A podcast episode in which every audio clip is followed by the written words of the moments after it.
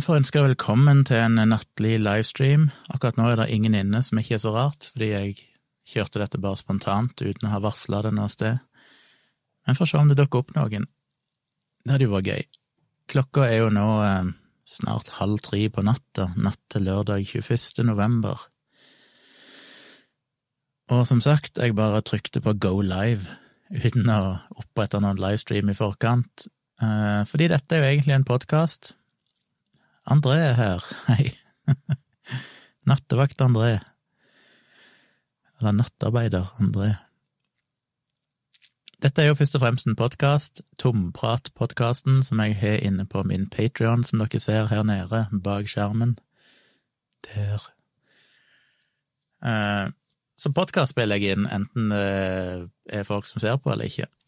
Og hvis det dukker opp noen som ser på, så er jo det hyggelig. Greia er jo det at dere kan eh, skrive i chatten og komme med spørsmål og tanker og innspill hvis dere har lyst. Så er jo det hyggelig. Amund er her. Hva i all verden med en livestream på denne tiden, tenker jeg. Ja, det er sånn, eh, sånn verden er blitt i disse koronatider, når døgnet er snudd opp ned og verden sikkert ikke står til påske. I dag er det altså Det har vært fredag. Jeg eh, jobba i går, jeg livestreama til ganske seint. Um, ikke så veldig seint. Jo, vi livestreama ganske seint i går. Noenlunde seint. Og så eh, sov jeg eh, ei stund, eller fikk vel kanskje tre timer søvn eller sånn i natt. Klarte ikke å sove i natt, ikke fordi jeg ikke fikk sove, men jeg hadde en sånn rastløshet i meg, så jeg bare hadde lyst til å gjøre alt mulig annet. Så når jeg endelig kom meg i seng, så klarte jeg ikke å la være å bare ligge og kikke på mobilen i evigheter. Så tenkte jeg ah, burde egentlig sove, men det er noen sånne netter der jeg bare føler at eh, livet er for kort til å sove. Jeg vil bare lese mer og gjøre mer. Um, så jeg sovna seint, og så sto jeg opp tidlig fordi vi hadde en uh, Eller vi har en hund som begynte å mase litt på morgenkvisten. Så jeg tror jeg fikk sånn tre og en halv time søvn og var litt sur i dag tidlig.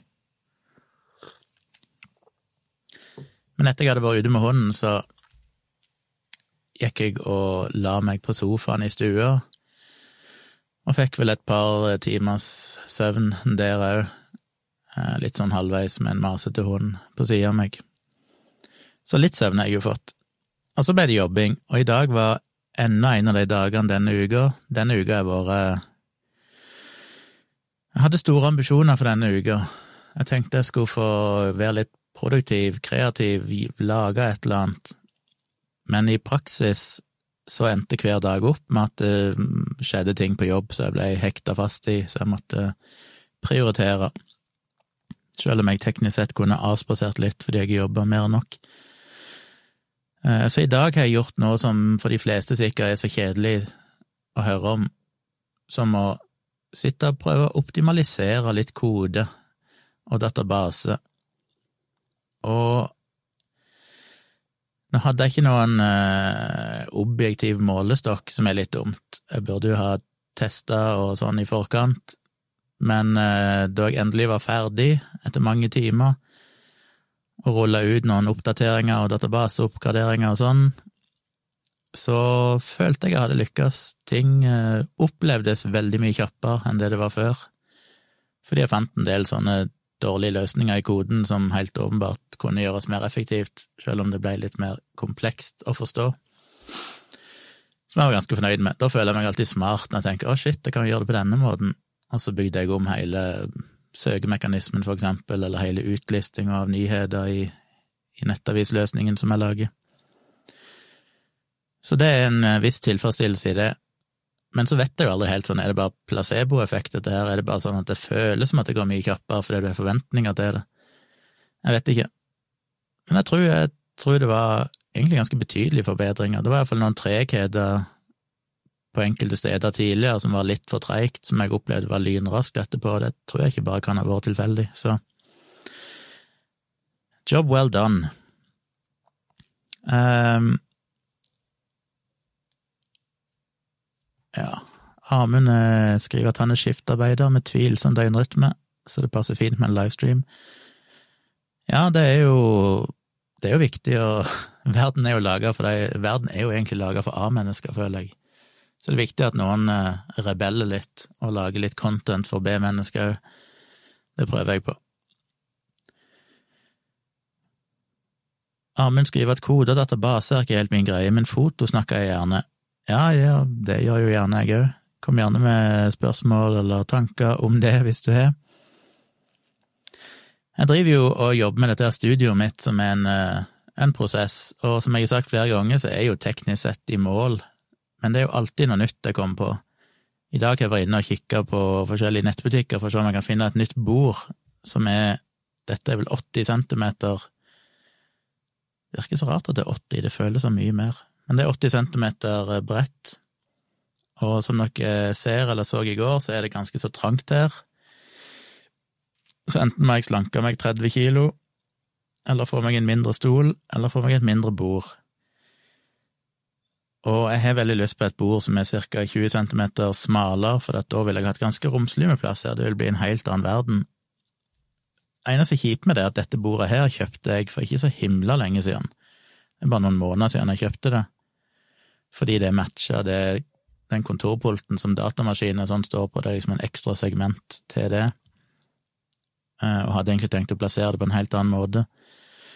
Men nå som det plutselig fant ut vi skulle ha podkaststudio her, og hadde behov for å sitte på begge sidene, så er egentlig dette bordet malplassert, og jeg vet ikke om jeg har noen annen plass i leiligheten å ha dette bordet, så da vet jeg ikke helt hva jeg skal gjøre. Man bare må legge det ut på finn.no og si splitter nytt, nesten.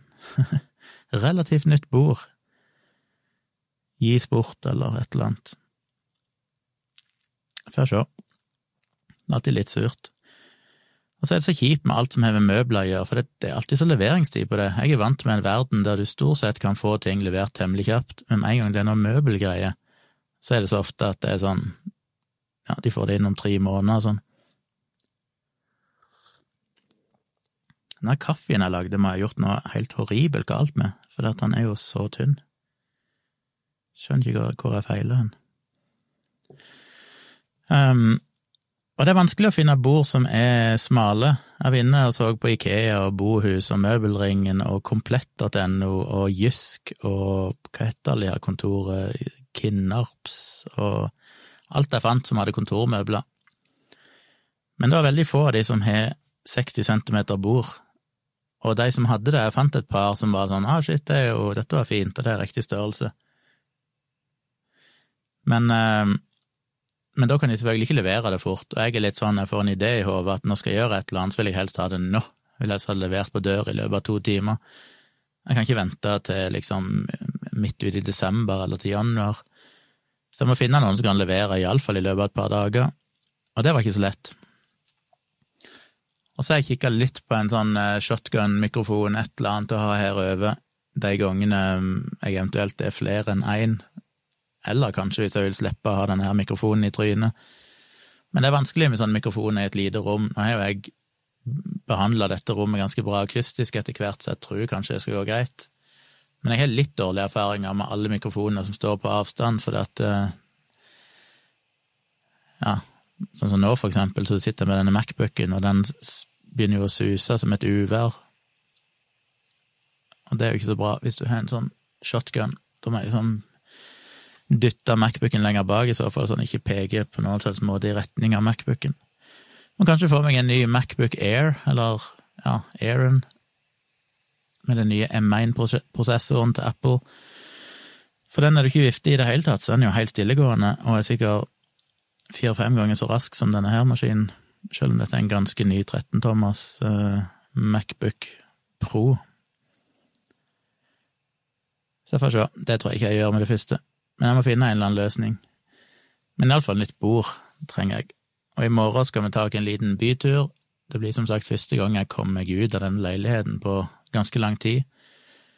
Så da blir det på med munnbind og ned på bytur.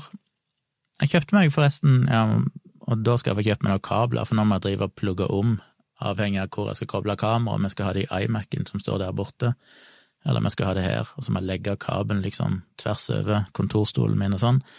Det plager meg. Jeg vil ha et oppsett der alle kablene går, og jeg slipper å drive og plugge om og herje hver gang. Så jeg må finne en løsning på det. Men jeg bestilte meg et nytt munnbind her forleden dag, uh, irriterende nok basert på en Facebook-annonse. Det tror jeg er første gang jeg har kjøpt noe ut ifra en Facebook-annonse. Men jeg har jo snakka litt om at jeg plages med, som alle med briller gjør, at når du går med munnbind, så dogger brillene. Og det er altså så irriterende. Eh, folk uten briller skjønner kanskje ikke hvor irriterende det er, for det høres bare ut som å ja, brillene dogger. Men når brillene dogger, så blir du effektivt relativt blind. Eh, som regel er det mer på ett glass enn det andre, men du går liksom omtrent som du har en lapp på øynene, og det er ikke noe gøy.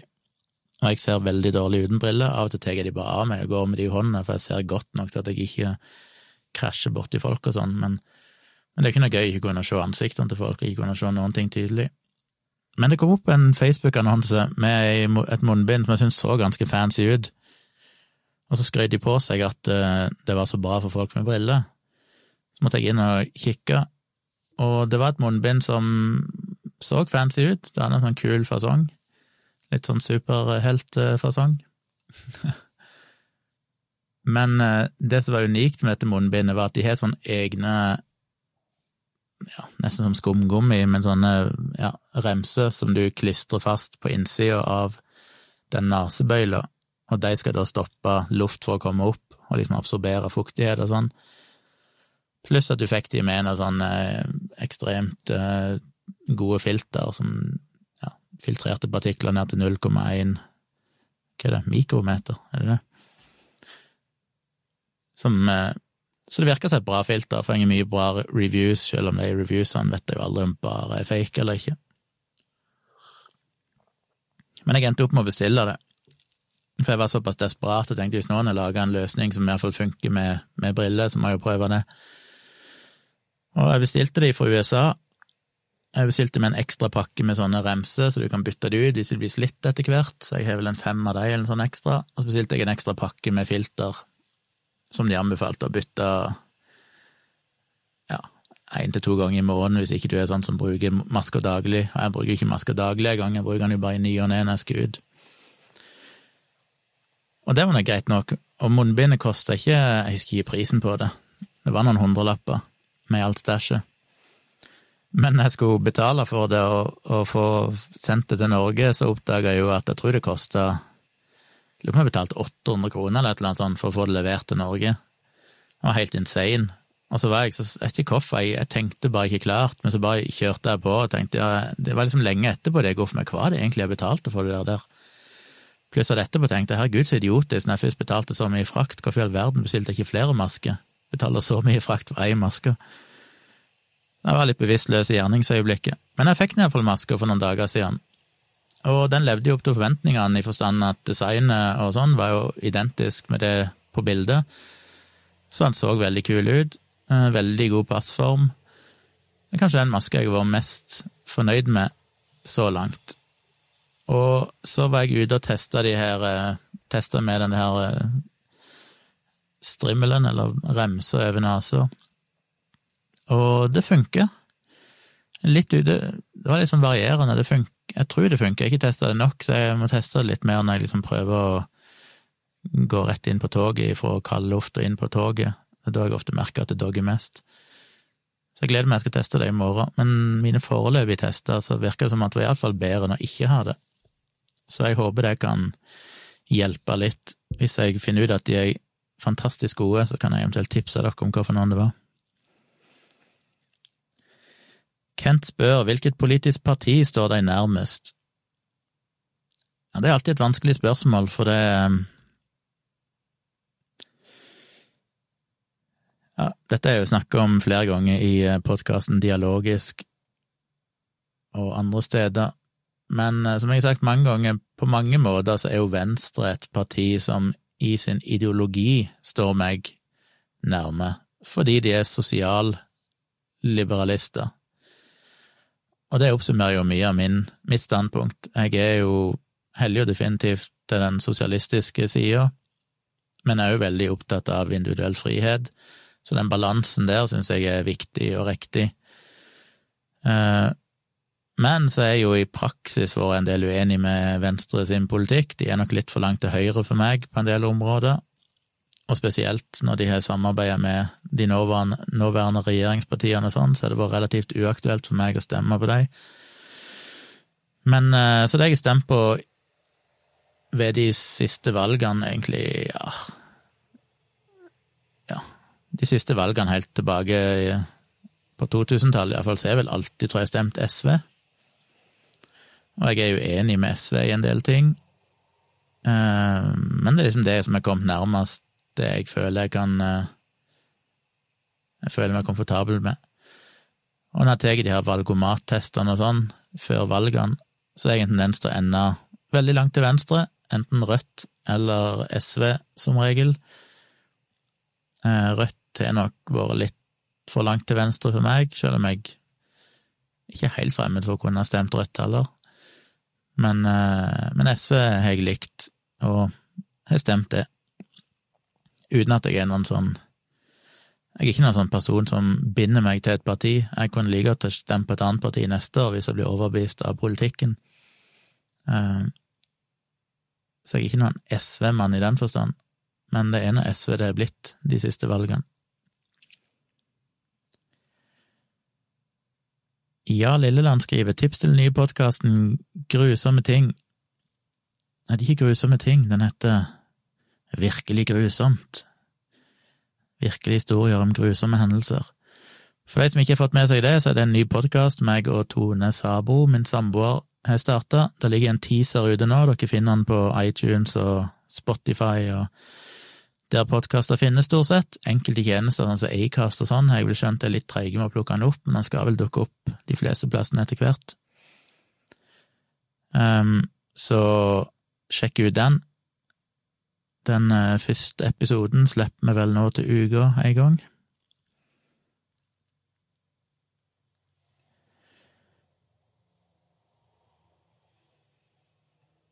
Varhaug-saken, hvorfor en sak er det? Det må du minne meg på. Amund skriver om det er dempet greit, kan kan uh, kan vel en omnimic funke. Eh, I teorien, men det er som sagt en del for mye støy her inne. For det at viftene på har jo en iMac og noen eks eksterne harddisker sånn der borte med vifte, så det er en del sånn viftesus der borte. Og denne her uh, Macbooken har den som spinner opp sånn av og til, for den ah, Håpløse, de her uh, nyeste Macbookene de kommer før de nye. De har et varmeproblem, skal ikke mye til for viftene spinner opp på dem. Så jeg tror ikke jeg Jeg har jo prøvd for eksempel med forskjellige Når jeg tester ut forskjellige mygger, som basically er omnidireksjonelle. De plukker opp så mye susing og sånn at det er jo nesten ubrukelig. Så jeg er nok litt skeptisk til det. Bolle Knallgod mener det skal bestille nye øyne. Jeg vil ha lilla iris og grønn utapå, og maske som geipatunge. Det kan du sikkert få deg. Drikker denne kaffen av desper desperasjon, men den var ikke akkurat noe god. André skriver jeg så hele lokale SV her på svenskesiden med bilen full av eh, smuglerøl fra systemet, så det ble slutt på SV da, gitt. Ja, det er jo litt av problemet med eller problem og problem, men det er jo litt av greia med politikk, da, at det kan ofte være ganske stor forskjell på lokalpolitikk og rikspolitikk. Eh, sånn som der jeg kommer fra, i Oslo, så er jeg jo ikke, ikke klart å engasjere meg like mye i, i kommunevalgene etter jeg flytta til Oslo, men der jeg bodde før, som var et veldig lite sted der alle kjenner alle, og liksom politikken er veldig håndfast, for det, de sakene som er oppe politisk, er ting som du vet hva er, som berører sannsynligvis deg på et eller annet vis, veldig sånn tydelig og konkret. Eh, der kunne jeg egentlig ha stemt noe helt annet enn det jeg kunne ha stemt i stortingsvalget. Fordi Spesielt fordi i så små plasser så er ofte de loka, loka, de uh, politiske partiene trenger ikke alltid i det hele tatt å reflektere det partiet står, på, står for på nasjonalt nivå. Det var en del rare greier i Sirdal, der jeg kom ifra, der jeg følte at hæ, er dette liksom Ap? Det kunne jo like godt være Frp. Det gjelder vel kanskje tidvis eh, på nasjonalt nivå, men eh, Men ja, det er mye rare folk, og på en sånn liten plass så blir det jo mye mer trynefaktor, da du vet at en eller annen i et parti som du bare syns er en tulling, og da føles det kanskje ikke rett å stemme på det partiet. På stortingsvalg så er jeg mye mindre opptatt av partilederen. Jeg eh, har ikke noe sånn forhold til egentlig noen av partilederne. Jeg kunne ikke latt være å stemme på et parti, eller valgt et parti på grunn av om jeg liker partilederen eller ikke. Der blir det mer politikken som gjelder.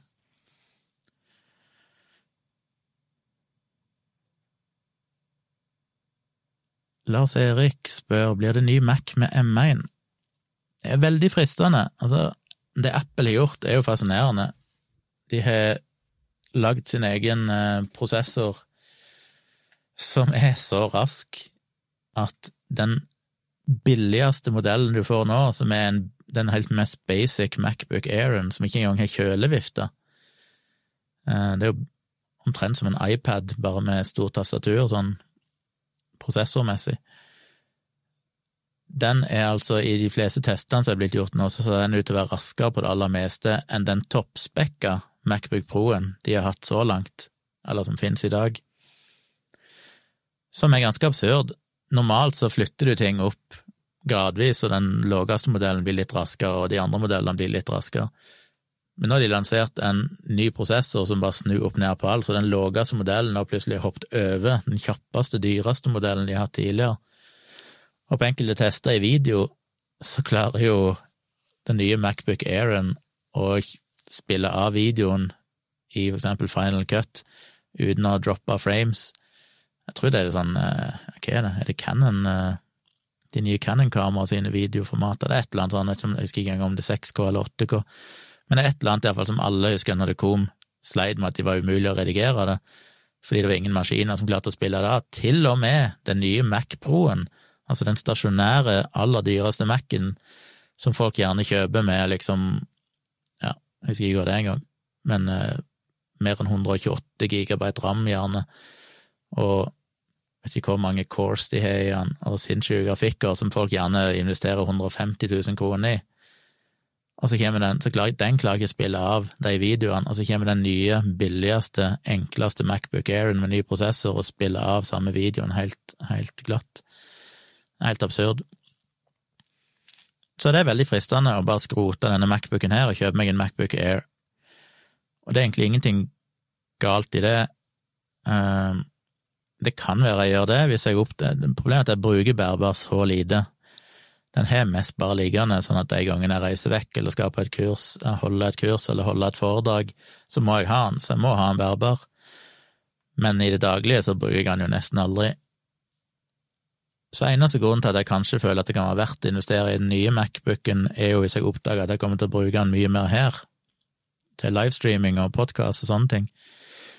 Fordi han er vifteløs, som er perfekt, da slipper han av viftestøy, han er mye kjappere enn denne, selv om han sikkert koster bare en tredjedel av det denne her koster. Eh, så i beste fall så kan det være jeg kan selge denne til en noenlunde god pris og omtrent finansiere en ny Macbook hvis det er noen som ikke har fått med seg forskjellen. Det er jo klart denne her er enkelte ting som er bedre, det er jo litt større skjerm vel, og muligens bedre skjerm, mer brightness og litt sånne ting. Eh, så teknisk sett så er det jo kvaliteter med den òg, men rent sånn ytelsesmessig og støymessig, og ikke minst batteritid, så er jo de nye mye bedre. Men det jeg egentlig venter på, det er jo når de kommer med det som kanskje heter M2-prosessor, eller jeg vet vel ikke det, det blir kanskje neste generasjon. M1Z eller M1S eller C eller whatever han kommer til å hete, som de vel kommer til å putte inn i de nye iMac-ene når de lanserer de, sannsynligvis ut i 2021 en gang. Det kommer jo til å bli sånne monster av noen maskiner at det er nesten skremmende å tenke på. Når du ser hva de har gjort med den billigste versjonen nå, at den allerede er kjappere enn på en del ting så kan den være kjappere enn iMac Pro-en. Så kan en jo bare tenke seg hva som skjer når de slipper de litt mer oppskalerte versjonene som de da skal bruke i de stasjonære maskinene sine. Så først og fremst gleder jeg meg til det, Og det blir ikke noen tvil om at da kommer jeg til å kjøpe meg en ny iMac, for den kommer til å være så hinsides mye raskere, og det er ganske essensielt når du driver spesielt med videoredigering og bilderedigering, for der, selv jeg har en relativt ny iMac, som jeg vel kjøpte i 2019, så den er vel bare litt over et år gammel, ganske greit spekka, så sliter han med en del ting hvis jeg jobber med tung video eller mye bilderedigering og sånn. Så ja, kanskje, jeg får se. Det er nok litt fristende å kjøpe meg en Macbook Air. Og jeg så en video i dag på YouTube der en drev og testa litt, og fant de, den kom jo med 8 eller 16 gigabyte ram, som høres lite ut. Jeg pleier som regel å slenge i 32 gigabyte hvis det er mulig. Men litt som med iPhonene og iPadene, der Apple aldri har vært veldig interessert i å snakke om hvor mye minne som er i de, selv om det er lett å finne ut, det er jo offentlig, offentlig men de snakker aldri om det høyt, er jo fordi at minnet er jo ikke bare minne, minnet handler jo om hvordan du bruker det, og det er det jo vist ettertrykkelig i mange år nå, at selv om iPhonene ofte har en del mindre minne enn en del Android-telefoner, så går ikke det på ytelsen løs, fordi de bruker jo minnet på en helt annen måte. Og med de nye prosessorene, som jo i mange, mange måter er samme prosessorene som de har i iDingser, så vil en jo anta at det, det er en del minnehåndtering der òg som er bedre, selv om ikke alle er enig i det, eh, for det er fortsatt MacOS som kjører. Men jeg har sett en del tester som tyder på at til og med den billigste Macbook Airen med 8 GB ser ut til å dekke behovet til 95% Du kan gjøre nesten alt du vil av ganske avansert videoredigering i Final Cut og sånn, og det ser ut til å gå helt greit med 8 GB, så Men jeg, hvis jeg først kjøper en Macbook Air, så vet jeg ikke om jeg kommer til å klare å kjøpe den minste. Da blir det vel fort at jeg kjøper 16, for jeg kommer til å være så redd for å brenne meg når ikke jeg sjekker prisforskjellen.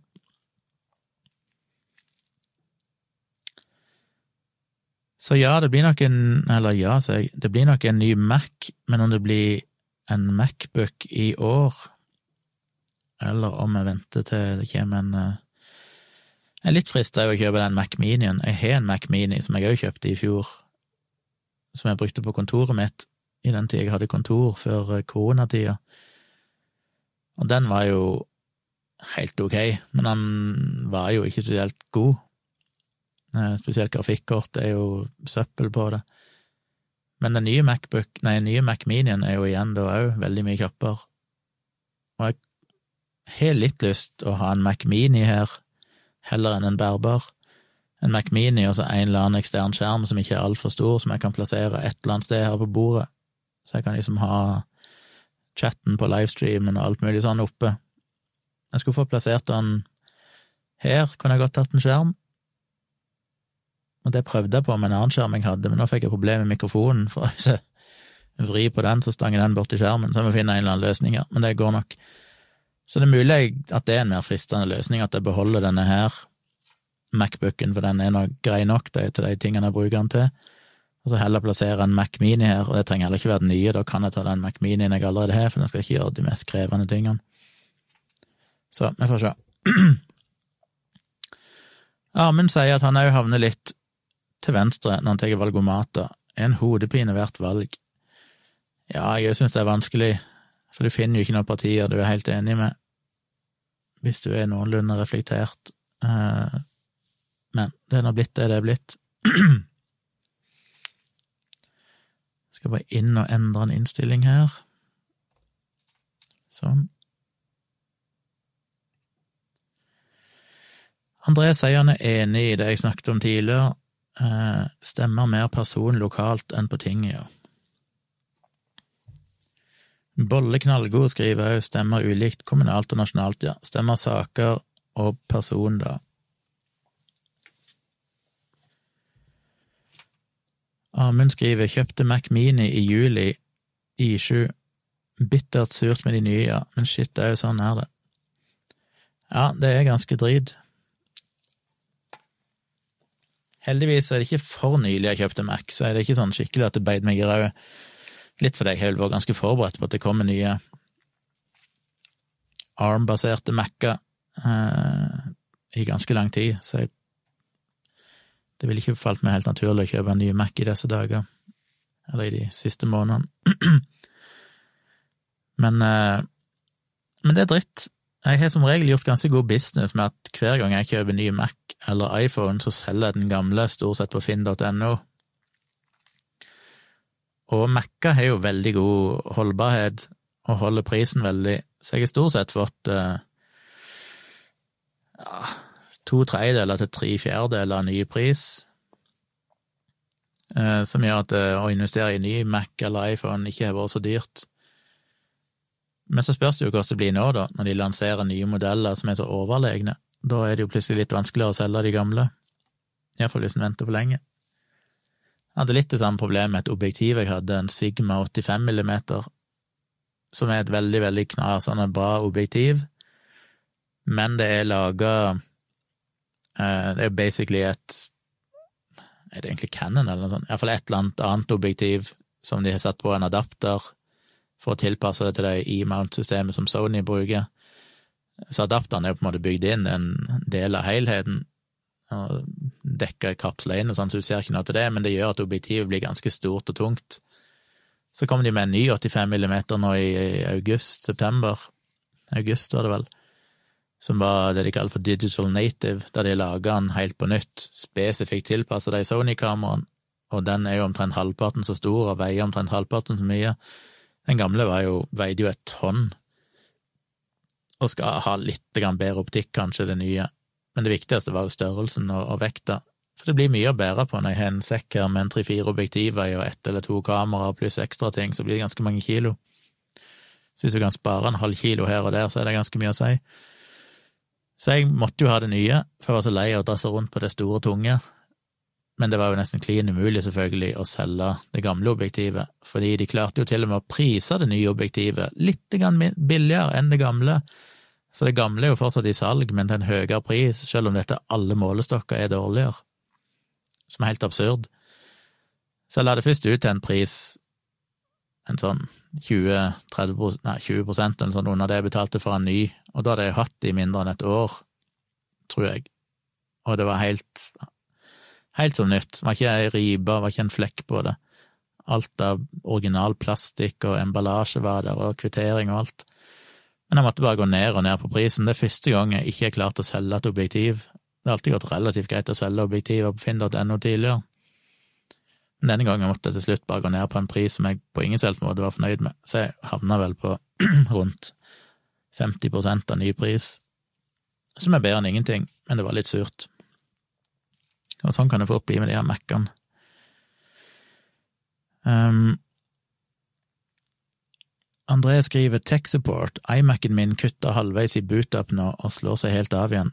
Den er død, da. Tja, du får google.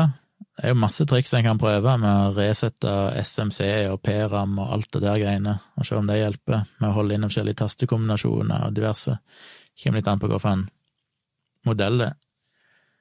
Um, men ellers er det jo ofte, kan det være alt ifra ei minnebrikke som er dårlig, til hva som helst, så kommer litt an på hvor gammel han er, om det er verdt å drive og fikse på han.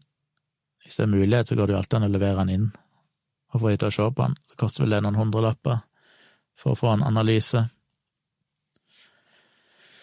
Men eh, før du gjør det, så er det en del ting jeg kan prøve. Vi får google dette her med å resette SMC-chipen og resette PRAM på iMac-er, de nye iallfall, så er det egentlig bare å ta ut strømmen i et halvt minutt eller sånn og koble igjen, så skal han vel basically ha resatt en av de, jeg husker ikke hvorfor en det om det er PRAM-en eller hva det er.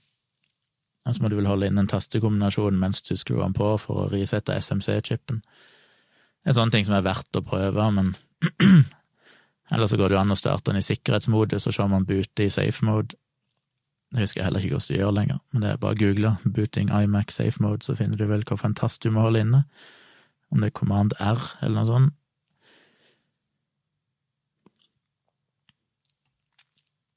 Hurdur Media, god dag, eller god natt. Hei Gunnar, har du lest Jeffrey Paul, Your Computer Isn't Yours, ref. Apple og personvernsikkerhet? Nei, det har jeg ikke lest. Gi meg gjerne en uh, kjapp oppsummering. Bolle Knallgod skriver skal vi ikke bli overvåka, må vi bli eremitter. Uten TV, telefon, internett, droppe kort. Uh, ja, i dagens verden så skal du gå ganske langt for å ikke bli overvåka på et eller annet vis, men det er jo allikevel ei grense mellom den overvåkinga som er problem... Eller, ja, på et eller annet nivå. Så kan jeg vel argumentere med at all overvåking er problematisk, men for eksempel at tele, teleoperatørene teknisk sett vet, kan triangulere omtrent hvor du er til enhver tid, har jo vist seg å være temmelig trygg informasjon. Det skal ganske mye til. Det er, så vidt jeg skjønner, vanskelig å hente ut de dataene, til og med for de som sitter på de, og det skal ganske mye til for å få en godkjenning for å få lov å hente ut de dataene. Det skal være en ganske alvorlig straffesak en er mistenkt for. Så sånne data føles litt tryggere enn Jeg har aldri hørt, tror jeg, om tilfeller der den type data har blitt eh, At uvedkommende har fått tak i den. Men jeg er jo mer bekymra over de mer sånn dataene som bare ligger lagra på en eller annen server et eller annet sted, som egentlig hvem som helst kan benytte seg av hvis de bare får tilgang til de, og det kan en jo hvis en vil.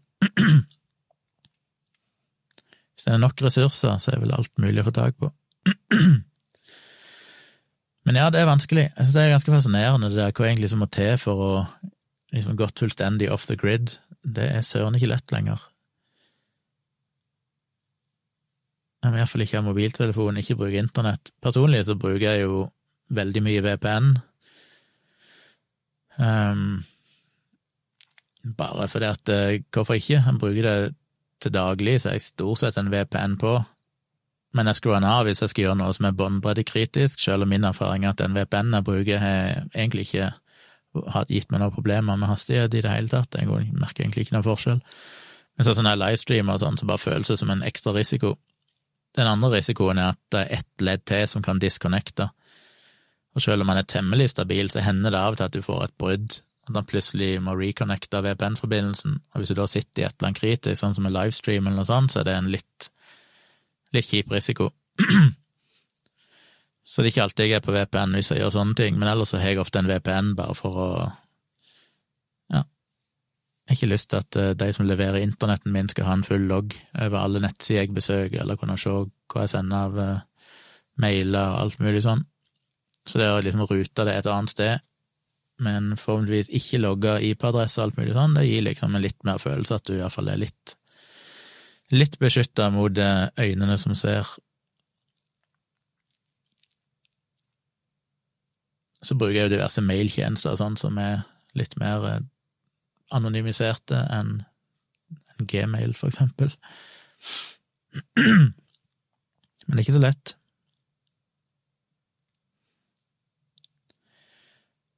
Enter the Gulag.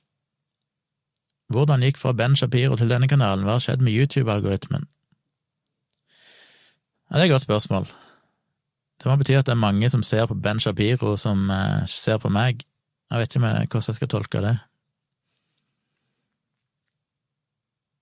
Jeg er ikke noen fan av Ben Shapiro, for å si det mildt.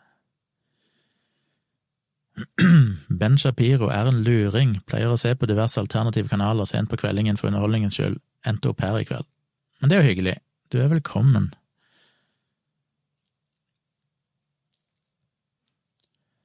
Bolle skriver vi må fjerne alt av apper om vi skal beholde personvern. ja, til en viss grad. Det er ikke alt som er like farlig, og som sagt, Apple er relativt flinke med å anonymisere ting. Men de har jo på ingen uh, De fleste godkjenner jo bare at sånne apper spør om de kan ha location, tilgang til location eller tilgang til andre ting, så har jo folk en tendens til å svare ja. Ikke minst de der nye som kommer på iDevicer, der de spør om de kan få tilgang til Bluetooth og tilgang til å søke på lokalt nett og sånn. Så bør en jo svare nei på det. Men det er jævlig vanskelig, for jeg, jeg, vet liksom ikke sånn, er det noen funksjonalitet når jeg kommer til å miste hvis jeg svarer nei? Så jeg har jo en tendens til av og til å tenke nei, fuck it, jeg sier ja, hvis ikke jeg er helt sikker på hva appen Eller hvis jeg kan tenke meg et scenario der appen kanskje trenger det. Så klart at appene sitter jo med mye informasjon, og det er jo noe av det skumleste av alt. Og det har jeg jo sett mange ganger, for jeg har jo jeg har jo lagt inn e-postadressene mine på, eh, have I been owned.com, eller pwned.com. Og da får jeg varslinger hvis de oppdager at e-postadressen min finnes i en eller annen sånn dump av data som er lekka, og det har jo skjedd en del ganger. Alt ifra Dropbox til LastPass til alt mulig rart. Kanskje ikke LastPass, det ble vel hacka de òg en gang, men jeg husker ikke om de fikk tak på om jeg var med der. Men mange store tjenester, og ikke minst mange små, ukjente ting, der det viser seg at på et eller annet tidspunkt så har jeg hatt en konto, og så viser jeg at det er en eller annen e-postadresse. Det er ikke farlig i den forstand at jeg har unike passord på alt, og har ingen av de passordene lenger som jeg hadde i den tida. Men det viser jo bare at nesten uansett hvor du registrerer deg, så før eller senere så skjer det jo et eller annet datahack, og så dumper de hele brukerbasen. Og, av, og det er én ting med etablerte, store tjenester, men herregud, så mange sånne små apper jeg har registrert kontoer i opp gjennom tidene.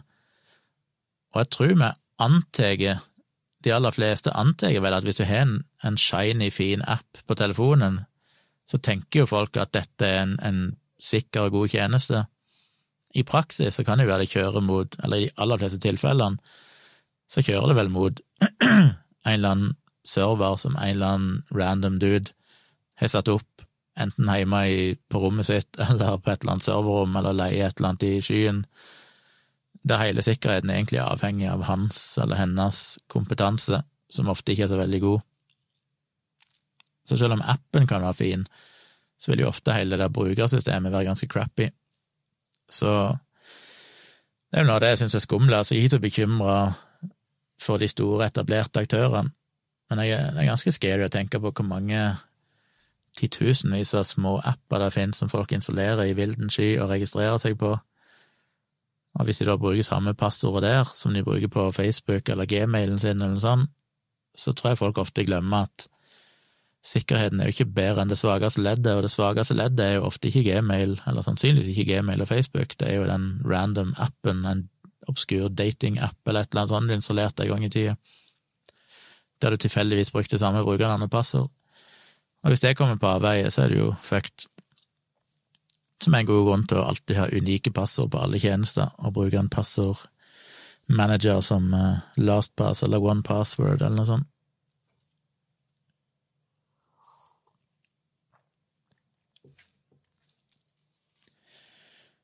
André skriver gammel traver, ja, men ville hente opp noen låter fra studio. Gammel traver, ja, det var iMac-en vi snakket om, ja. Gammel traver, ja, men ville hente opp noen låter fra studio, har stått stille et år, men er megagammel, typ 2013, har vært gjennom litt Google, men er så noob. Ja, jeg kan ikke gi deg noen eh, bedre råd sånn umiddelbart, men eh, hvis du googler som sagt SMC og Peram og iMac og Reset, så får du noen eh, Det varierer litt i for forskjellige årsmodeller hva du må gjøre, men det er ganske enkelt. Det er som regel bare å holde inn en tastekombinasjon eller sånn mens du skrur på maskinen, så resetter den og greier. Som er verdt et forsøk. Eller så kan du prøve å starte den i sikkerhetsmodus, som sagt, som jeg tror er Command R, eller noe sånt, men det finner du ut. Bare google boot uh, iMac in safe mode, så finner du ut hva du må holde inne. Og hvis han booter i safe mode, så er det iallfall en viss sjanse for at ikke hardware nødvendigvis er fucka. Da kan det jo bare være operativsystemet som er fucka. Og når du får den opp i safe mode, så er det mulig å Ja, det er vel ikke safe mode, det. Command R er vel hvis du skal reinstallere den, som er mulig å prøve. Du kan jo reinstallere operativsystemet uten å miste noen data, for den lager brukerdataen separat fra operativsystemet. Så det er en mulighet å prøve. Det er løst problemet for meg, iallfall én gang, at jeg bare reinstallerte hele operativsystemet, for det var tydeligvis en eller annen systemfil som var skada, som gjorde at Mac-en ikke oppførte seg. Og det er ikke særlig arbeid å gjøre en hel jobben for deg, og hvis det virker, så bare bytter du inn, og så er alt sånn som før. Så det kan være en mulighet. Glender Ronage spør Tjomli hva er det mest tvilsomme du noen gang har gjort? Henspiller du til YouTube-kanalens navn, Tvilsomt med Tjomli? Navnet spiller vel mer på at jeg er stort sett ganske tvilende til meg sjøl og, og, verden rundt meg. Men hva er det mest tvilsomme jeg har gjort? En av de mer tvilsomme tingene det var vel å bestille ei eh, ansiktsmaske fra USA til 800 kroner i frakt, der frakten faktisk kosta mer enn maska, men Men eh, jeg har nok gjort ganske mange tvilsomme ting i mitt liv. Jeg tror de morsomste tingene er vel ikke noe jeg bør snakke høyt om så det ødelegger litt for, eh, spørsmålet. Eivind skriver nettopp inntatt Shell-burger, noe Tjomliden også gjorde mellom slagene back in the day, når de kikka på dem som var kommende. Åh, oh. det var ikke Shell-burger, da. Vi hadde jo ikke Shell på Tonstad. Det var enten eh, Texaco eller Statoil. Og det var ikke så mye burger jeg kjøpte, det har jeg kjøpt veldig sjelden på bensinstasjoner. Men det gikk i en del pølse, det gjorde det, i gode gamle dager. Ei pølse og ei cola og så var det ut og kjøre rundt og kikke på de kommende jentene. Når du sa inntatt en skjellburger, så tenkte jeg på det tidligere i dag, at fuck, det er lenge siden jeg har hatt en skikkelig hamburger. I morgen skal vi en liten tur ned i byen, det er rett og slett sånn til å vurdere å kjøpe en burger, for det føler jeg nesten jeg fortjener. Det høres godt ut. Thomas er vågen. Hva med personvernet når man avlegger stemme på en sånn valgomat istedenfor i et stemmelokale? Ja, godt spørsmål. Gudene vet hva de tracker av data der. De kan jo sitte med ganske mye informasjon om eh, Hvis de vil, om hvordan forskjellige mennesker stemmer her i landet. Det hadde ikke vært så vanskelig, så en må vel bare stole. Jeg er ikke så veldig bekymra for akkurat det, da. Jeg er vel for min egen del så er jeg veldig offentlig om hva jeg mener og står på de tingene, og hva jeg stemmer og alt mulig sånn, men det er for så vidt ikke noen unnskyldning eller noen gyldig grunn til at ikke personvernet skal være ivaretatt. Og for mange så er det kanskje ikke så greit at det blir offentlig, hvis det skulle bli det.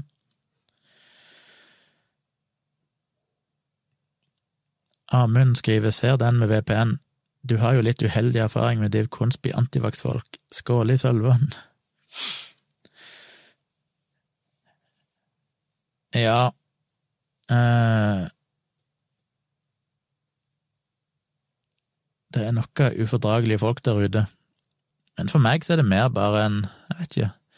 Det er flere ting. Det ene er at jeg bare syns det er gøy med data, og det å sette opp eh, og liksom finne en god VPN-tjeneste og finne gode mailtjenester og sånn, det gir meg en viss tilfredsstillelse i seg sjøl. Det andre er mer en sånn prinsipiell ting, at jeg bare føler at teknisk sett så burde det du gjør på internett, være privat. Jeg eh, ser ikke noen grunn til at det skal være sånn at det, som by design by, og default, så, så er teknisk sett alt du surfer på, sånn tilgjengelig for enkelte mennesker som jobber i disse firmaene, hvis de vil det. Så det, bare, det føles bare riktig på en måte å prøve å holde det litt sånn, selv om jeg Selv om jeg eh, Ja, hva jeg skulle si? Jeg skal ikke hva jeg skulle si. Anyway, jeg anbefaler folk å bruke VPN, en god VPN-tjeneste. Problemet med VPN er jo det at det er så ekstremt mange VPN-tjenester der ute, og sikkert 90% av de er jo verre enn å ikke bruke VPN, fordi at de basically gir deg en gratis VPN, sånn at de kan sitte og zoome inn alle dataene om deg istedenfor. Rute all trafikken gjennom sine servere, og så sitter de og logger alt du gjør.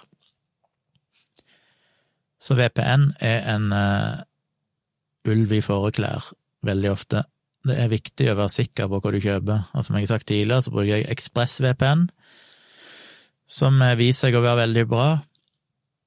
Eh, ifølge forskjellige reviews og tester og historiske eksempler der de dokumenterer at de faktisk ikke logger data, og de har mye server i forskjellige land, og de er kjappe, og alt det der. Så jeg kan anbefale ExpressVPN hvis noen vil ha en god VPN-tjeneste. På mobilen så er jo den på hele tida. Jeg bare skrur på VPN på mobilen, og så surfer jeg med VPN 24-7. Bare for det, hvorfor ikke? Jeg merker ingenting til det. Det er ingen grunn til at jeg ikke skal på VPN når jeg kan. Um, men da varierer det litt. Jeg tror når jeg er på mobilen, så har jeg en tendens til å velge Norge som land, så jeg bruker en VPN-server i Norge, som føles litt mindre anonymt, men det er litt greit, for det er en del tjenester som sjekker IP-adressen din for å vite hvor du er i verden. Og hvis jeg har en IP-adresse i Tyskland, for eksempel, så havner jeg ofte på tyske sider og tyske Google-søkeresultater og sånn, og det er ikke så kult.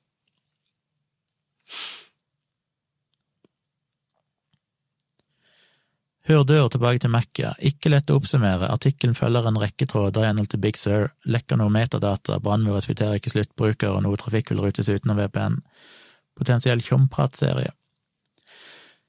Ja, jeg har sett litt av det nå siden jeg ble spurt om det sist for et par-tre dager siden her på livestreamen. Ikke satt meg veldig nøye inn i det, men det føltes vel egentlig som at det var litt sånn storm i et vannglass. Um, det handler vel, iallfall det jeg fikk med meg, handler vel om dette her at når du starter en app på Mac-en, så ringer han hjem for å sjekke om appen har en gyldig eh, sånn sertifikat eller sånn i Apple, om det er en godkjent app. For hvis du har en app som du har fått via AppStore, og det viser seg at den appen gjør noe galt, så kan jo Apple revoke det sertifikatet, som gjør at folk som har lasta ned appen, ikke får starte appen lenger.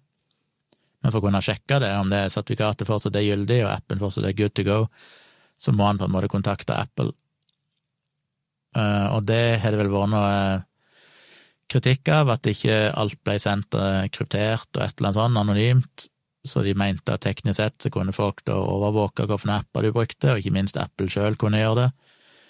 Men da kom vel Apple på banen ganske umiddelbart og sa de skulle endre den tjenesten og stramme inn og gjøre et eller annet grep som gjorde at folk ble fornøyde, at de fikk mindre data, mer anonymisert, et eller annet. Det er det eneste jeg har fått med meg i den saken, og det hørtes ikke så forferdelig ille ut, og det virker jo som Apple tok det på alvor, men det kan jo være ting der jeg ikke har fått med meg. Bolle skriver de vet alt om din personlighet, alt om du har brukt internett litt. Ja, teknisk sett så kan de det, men jeg må jo si at uh, jeg installerte jo en sånn plug-in til Firefox en gang, som jeg ikke husker hva heter, men den logger basically det samme, eller han prøver å logge alt det samme som Facebook gjør, og så lager han en sånn profil av deg, så du kan gå inn og sjekke etter du surfer i noen dager eller uker eller måneder, så får du en mer og mer robust profil. Og ut ifra den profilen der, så var jo omtrent alt feil. Jeg tror de hadde feil kjønn på meg, til og med. Jeg tror de trodde jeg var ei dame, som sier kanskje litt om mine surfevaner, eller hva det er for noe. Så i teorien så kan de det, men oftest viser det seg at de algoritmene er forferdelig dårlige. De er ikke veldig treffsikre. Så jeg er nok litt mindre bekymra enn det en kanskje sånn i en sånn uh, Black Mirror-episode som en ofte ser for seg at dette her er, så er det ikke helt sånn. Selv om det i prinsippet er mulig, hvis de uh, Mer skremmende enn at de nødvendigvis vet alt om personligheten, er vel mer det at hvis de bare har noen få datapunkter, så kan de stort sett finne ut hvem folk er. Det skal ikke mye data til for du kan pinpointe en person her i verden. Så det, det, er vel mer det jeg er bekymra for, at eh, hvis de vil bruke de dataene, selv om jeg hadde surfa helt anonymt og bare utført enkelte ting på internett, så kan de fortsatt ganske lett pusle det sammen og finne ut hvem du er. Jeg tror det er en større trussel enn at de nødvendigvis er så flinke til å tolke personligheten din og sånn ut ifra det du gjør.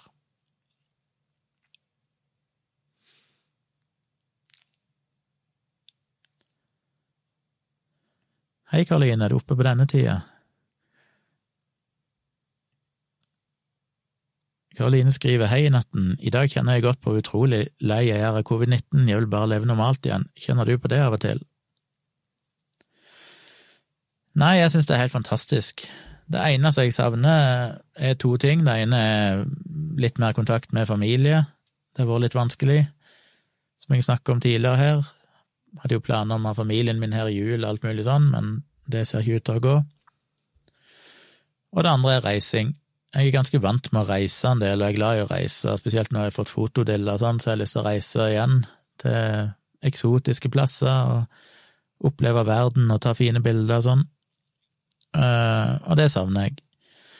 Men sånn i hverdagen så koser jeg meg egentlig. Jeg syns det er ganske så fantastisk på mange vis. Jeg tror aldri jeg slappa så av. Jeg føler Før pandemien så var det nesten, jeg tror jeg har på det tidligere, at alltid når jeg tenker at jeg har mye ledig tid, så viser jeg at hver helg omtrent så er det et eller annet som skjer.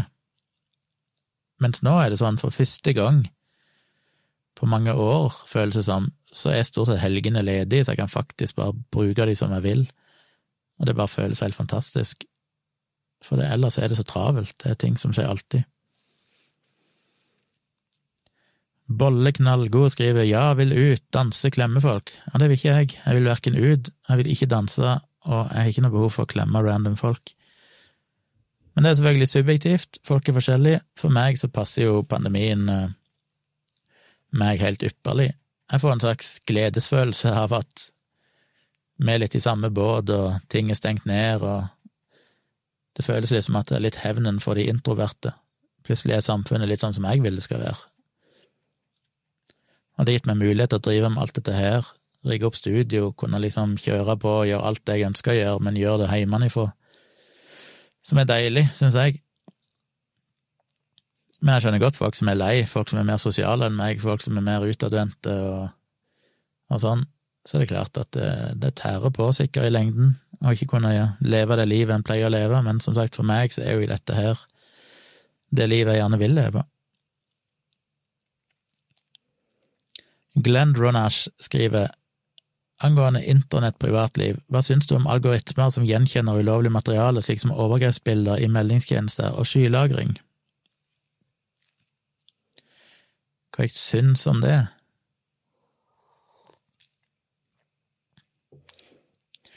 I prinsippet så har jeg vel ikke noe problem med det. Eneste problemet er jo at det per definisjon betyr at de må ha tilgang til de dataene. Uh, og det er jeg jo ikke like happy med, som er en av grunnene som jeg snakka om tidligere, at jeg helst prioriterer uh, klientside krypterte skytjenester, der dataen blir kryptert på min maskin før de sendes til skyet. Sånn at hvis noen skulle hacke skylagringstjenesten eller sånn, så hjelper ikke det noen ting, for de får ikke dekryptert uansett, så lenge ikke de har mitt hemmelige, lange passord. Mens eh, i Dropbox og andre sånne plasser så vet jo at det blir kjørt algoritmer som sjekker om du har lastet opp noen overgrepsbilder og sånne ting. Det er jo en bra ting når de finner det, og de finner vel mye, for jeg tror det er mange som én kanskje er naive og ikke tenker over at det er en Jeg tror det er jo det store problemet på internetten når det gjelder kommentarfelt og alt mulig, at folk har en slags idé om at de er så anonyme. Stort sett så er de jo ikke så anonyme. Så jeg tror mange tenker at jeg legger det i Dropbox, så er liksom bare i min Dropbox. Og, det andre er jo at jeg tror mange, ut ifra det jeg ikke har lest, så bruker jo mange Dropbox og sånn til de, er kreative, de bruker jo all slags rare tjenester til å bare laste opp ting uten at det, Altså, de oppretter en gratiskonto et eller annet sted med en anonym IP-adresse og diverse, og så bare legger de ting der vel vitende om at det kommer til å bli oppdaga, men det skal ikke ligge der så lenge, det skal bare ligge lenge nok til at folk får delt det eller får tak i det og sånn. Så sånn sett vet jeg ikke godt de tjenestene funker, de stopper vel ting for å bli liggende lenge, disse algoritmene, men jeg tror ikke akkurat det ser ut til å hindre noen i å bruke Dropbox og tilsvarende tjenester til å spre ganske mye ulovlig.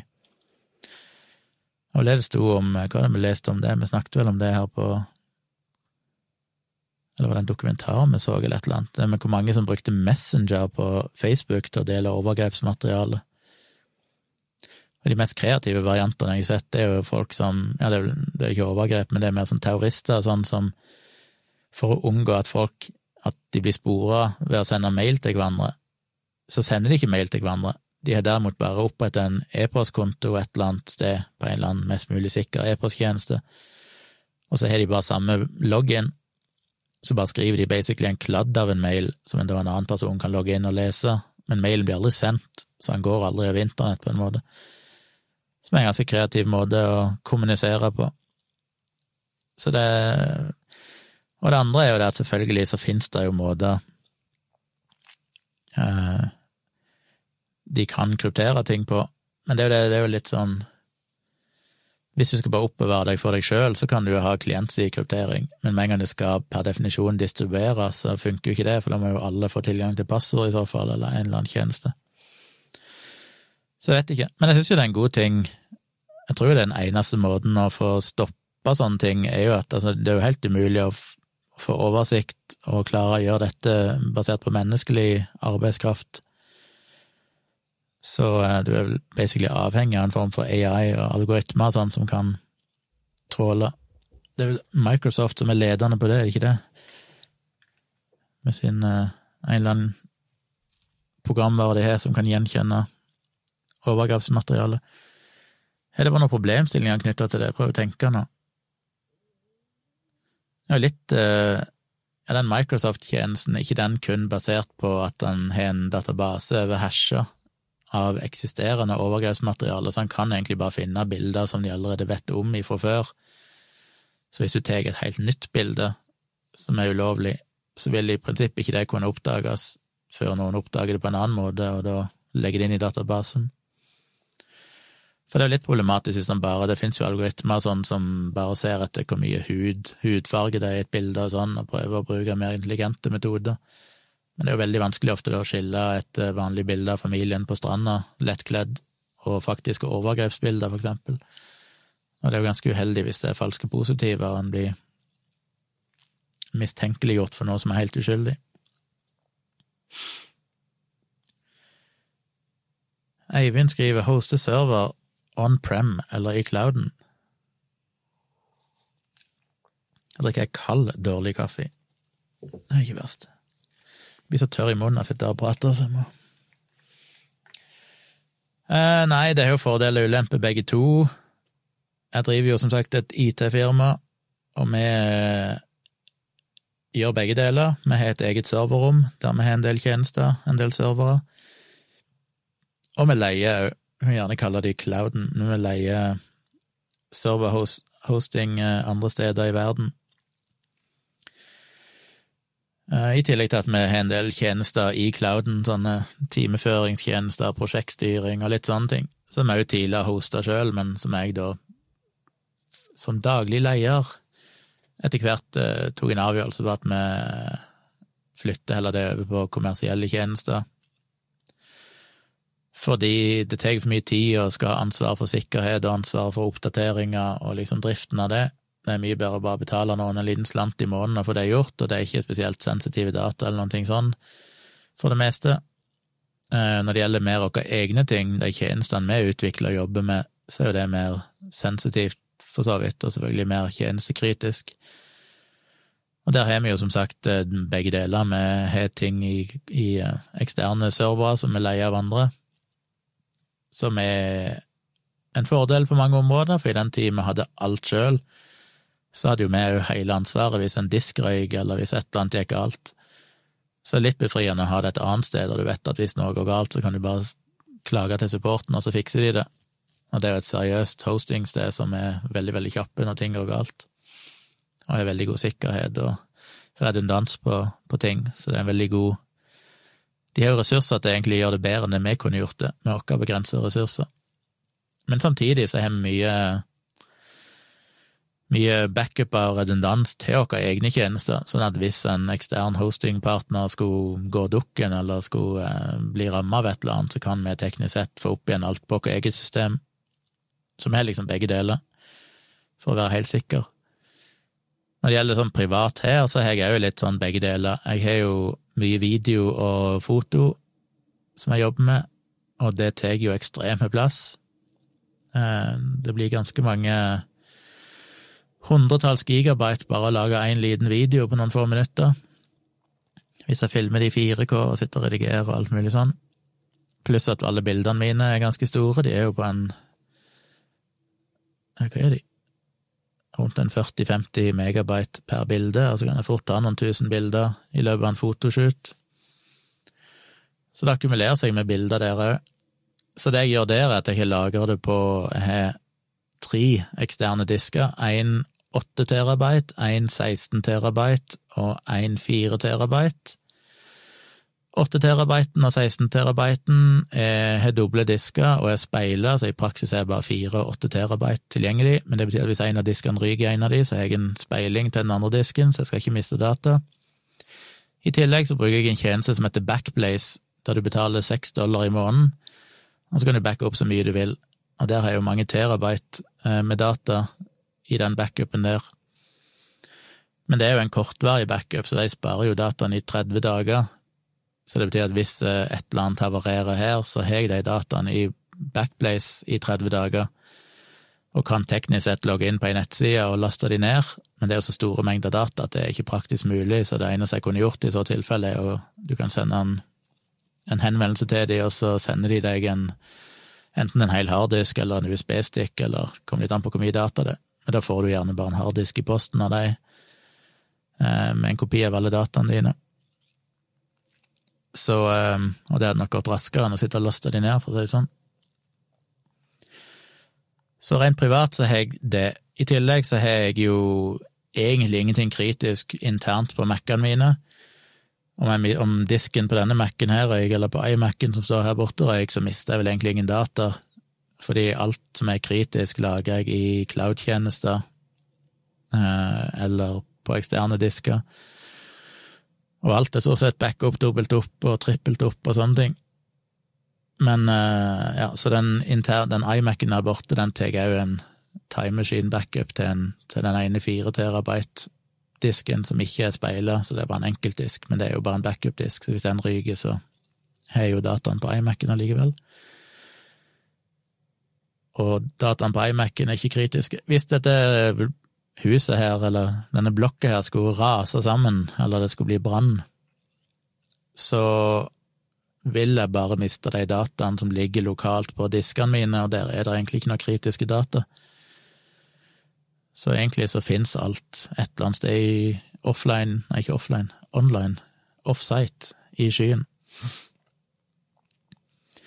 Men jeg blir aldri helt 100% fornøyd.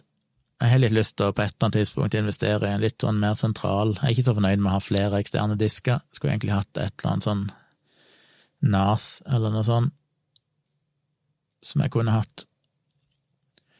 Så burde jeg egentlig fått fingeren ut og kable opp her, for nå kjører jeg alt via trådløst nett med en ruter ute i stua her, men når jeg driver livestream og sånn, så er jo egentlig kabel bedre og mer stabilt. Men det er et styr å drive og legge kabler.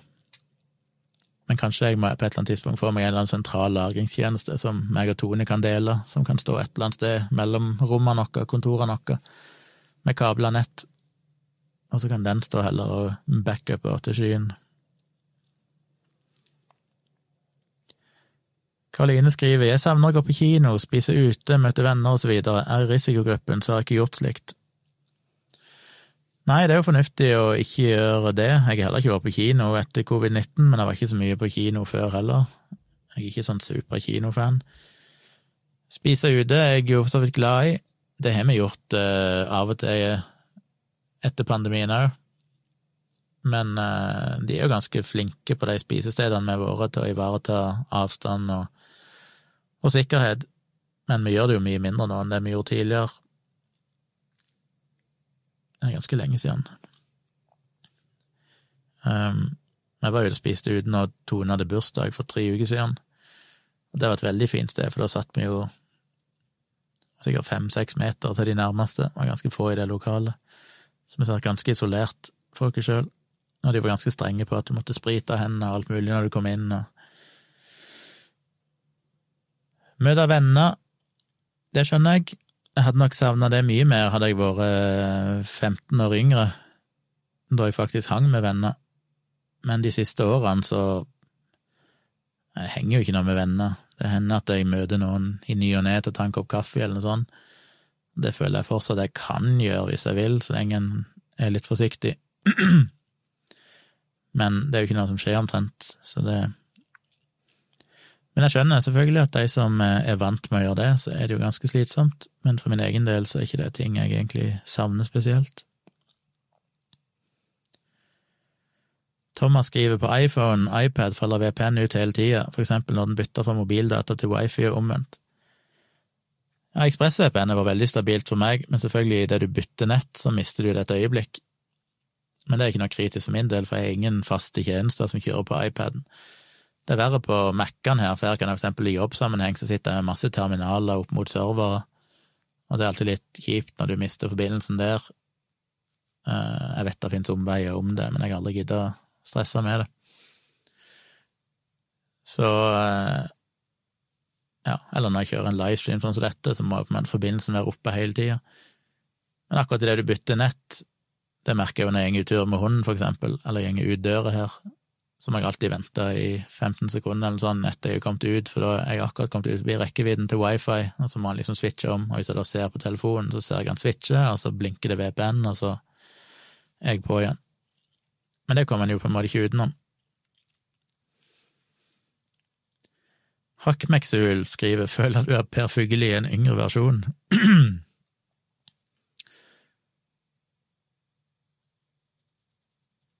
Må fordøye det litt. Eh, jeg håper det er en god ting. Iallfall yngre, det er jeg helt sikker. Jeg bare møtt Per Fugelli én gang, og jeg snakka ikke mye med han, men jeg holdt et foredrag i eh, Ja, hvor var det? Var det i Warszawa? Ja, jeg tror det var i Warszawa. Jeg holdt et foredrag, og da var Per Fugelli òg der. Holdt det for de var medisinstudenter og veterinærstudenter eller et eller annet sånt i, i Warszawa, så inviterte meg til å holde foredrag. Og da var Per Fugelli der. Jeg husker Carpe Diem hadde konsert den kvelden jeg kom, så var faktisk Carpe Diem der og hadde konsert for de norske studentene.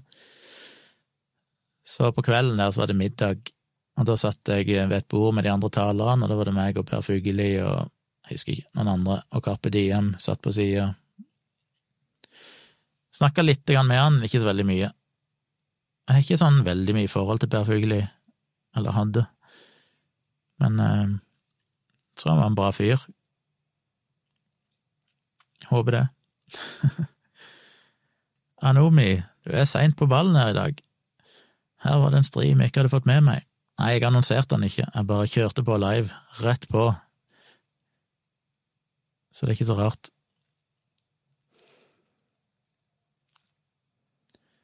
Thomas skriver det er irriterende hvor mange apper til IOS som slutter å virke. Hver gang jeg oppdaterer IOS, fra 10, 11, 12, 13 og så videre, så forsvinner det en haug med apper. Tja, det er ikke jeg merka så mye til. Det er en og annen av og til som slutter å virke, og primært vel når de gikk fra 32-bit til 64-bit, men det begynner å bli noen år siden. Da var det noen som ikke gadd å oppdatere appen sin til 64-bit, og da forsvant den etter hvert. Men ja, tidene går framover, og de som ikke oppdaterer appene sine i henhold til operativsystemet, de eh, forsvinner jo, men det er jo utvikleren sin feil. Bolle lurer på om jeg er født i feil kropp. Det kan være det. Uh, Facebook vil jo tydeligvis jeg skal være dame, men jeg kan ikke si jeg egentlig føler noe behov for å skifte kjønn. Glenn Roach skriver angående kjønn var nok den 800 kroners beauty-masken fra Statene. Ja, det er jo en beauty-mask i den forstand at den dekker ansiktet mitt. Og da kan det ikke bli Da kan det jo bare bli bedre. Karoline, random spørsmål, hva gjør du for å ta vare på huden, Gunnar, bruker du produkter? Nei, det gjør jeg på ingen slags måte, og det er jo noe jeg aldri har tenkt på før jeg eh, Jeg tror det var ekskjæresten min og min nåværende samboer Tone har begge kommentert at de er misunnelige for jeg har så lite rynke. Jeg er så glatt hud, selv om jeg var vesentlig eldre enn begge to. Aldri tenkt på det før folk begynte å kommentere det, men eh, det er bare eh, gode hudgener, tydeligvis. Det er viktig å bare være passe overvektig, sånn at du spenner ut huden. Så hvis jeg hadde slanka meg 20 eh, kilo og kommet ned i en normalvekt, så hadde jeg sikkert blitt rynkete. Karoline skriver videre, leste i dag at 1% av de som flyr mest, står for 50% av utslippene fra fly. Det er ganske absurd å tenke på. Ja, jeg òg så det, og det ga meg litt bedre samvittighet, for det er litt sånn Fly står jo for, hvor mye er det, et par prosent eller sånn av utslippene globalt, CO2, eller klimagasser. Men eh, det er jo klart at det er noen som flyger sinnssykt mye, og de drar opp snittet ganske mye for den jevne person. Så det føltes nesten, selv om det er helt selvfølgelig irrasjonelt på en måte, men det føltes nesten litt godt å vite at selv om jeg flyger en gang i ny og ne, så er jo det store problemet jo de som flyger hele tida.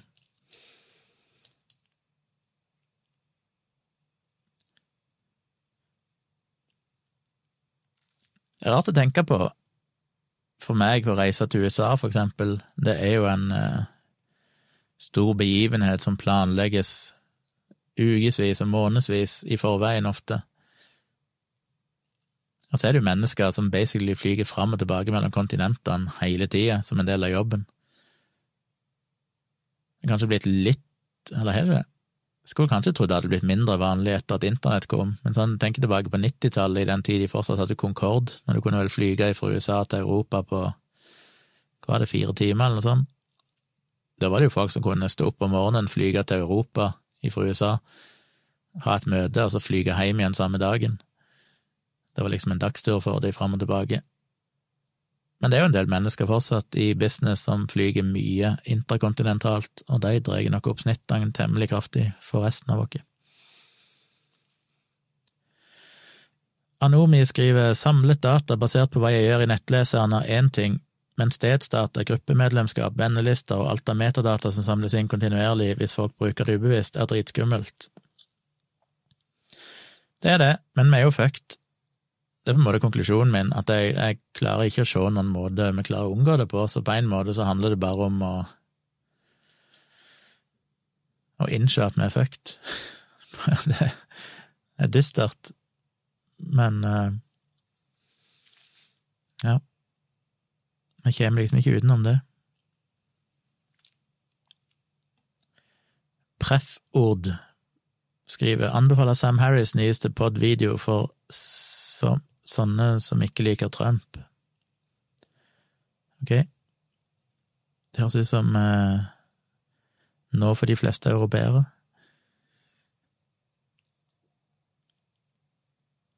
André skriver 'savna pokerturer, ellers er hverdagen uendret i forbindelse med covid.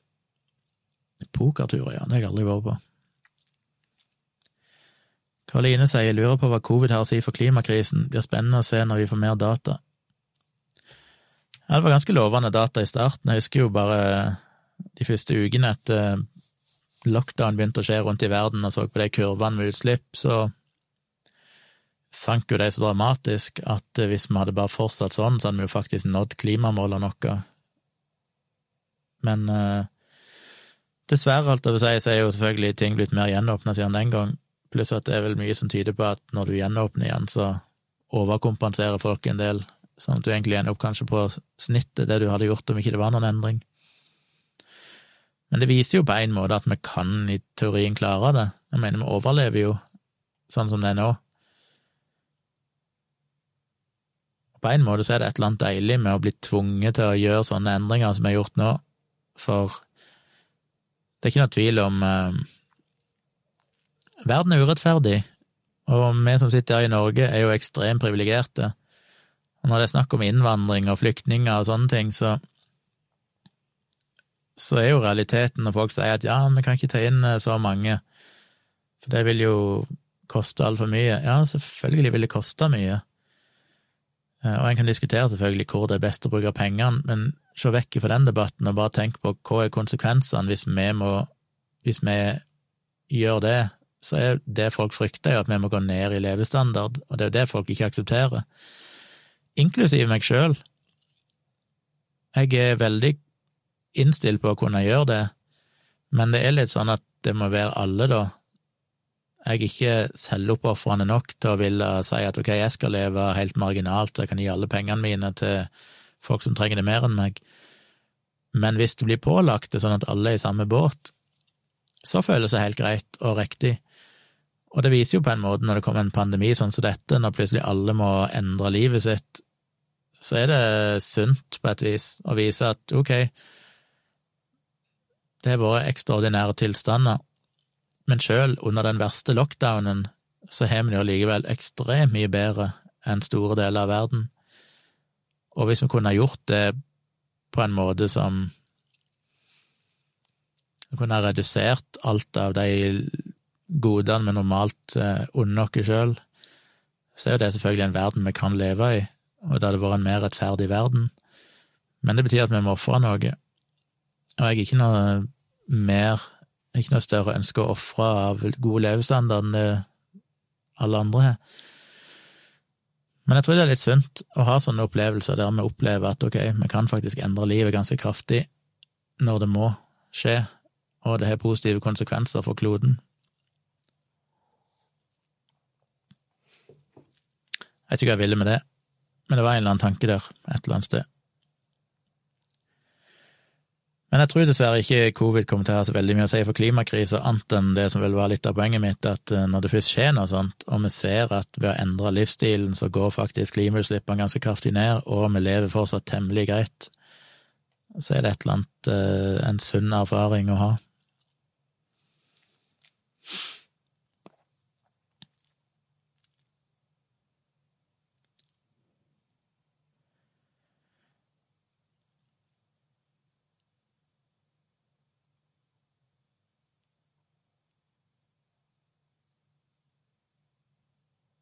Jeg var opptatt med å lese litt her, måtte tygge litt på det Hurdur Media skrev.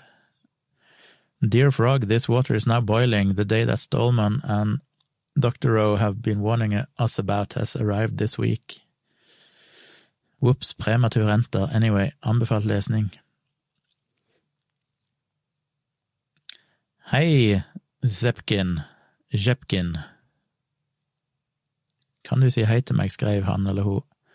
Så da sier jeg hei. Håper det gjør deg lykkelig i natten. Amund skriver er happy med eget selskap, så covid-19 har ikke gjort hverdagen til annerledes, men savner virkelig reising. Ja, det er reising jeg savner mest, og det føles jo litt sånn politisk ukorrekt å si, for det at i disse tider så burde vi jo teknisk sett ikke reise for mye med fly spesielt.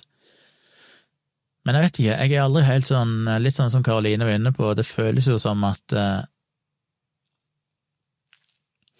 Det er litt sånn som med alt som handler om klima, at vi har en tendens til å legge veldig mye fokus på den helt vanlige personen, og ta dette personlige ansvaret, som i prinsippet er viktig og riktig, bortsett fra at det ofte ikke vil løse problemet i veldig stor grad.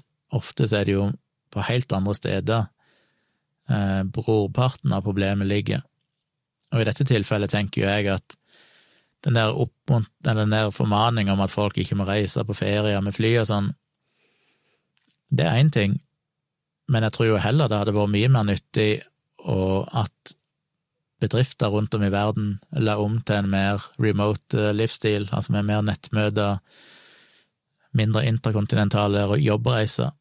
Jeg føler jo at det hadde vært mer win-win, det, for at, eh, da er det bra for klimaet, og uh, det er fullt overkommelig for deg å gjøre det, mens det å ta ifra fritidsreiser ifra den vanlige person, tror jeg er mer usunt på et vis. Jeg mener, du, du taper ingenting om du ikke må ta en jobbreise til et annet kontinent, eh, teknisk sett, hvis det blir en, en, mer vanlig ting. Men jeg tror at den jevne person har godt av å se verden. Jeg tror at det er et eller annet sunt med å oppleve andre kulturer, oppleve andre deler av verden, som jeg syns det er litt synd at vi skal miste. Eh, så jeg tror tapet med å få Det er klart, du kan ikke nødvendigvis forsvare at du reiser til Gran Canaria tre ganger i året og kaller det for kulturopplevelse. Så det er jo selvfølgelig nyanser her òg. Men den der å reise til andre steder i verden og oppleve andre kulturer og se, liksom, det, det er jo noe som jeg tror har en del positive egenskaper ved seg som jeg ikke nødvendigvis tror at verden totalt sett vinner på å miste.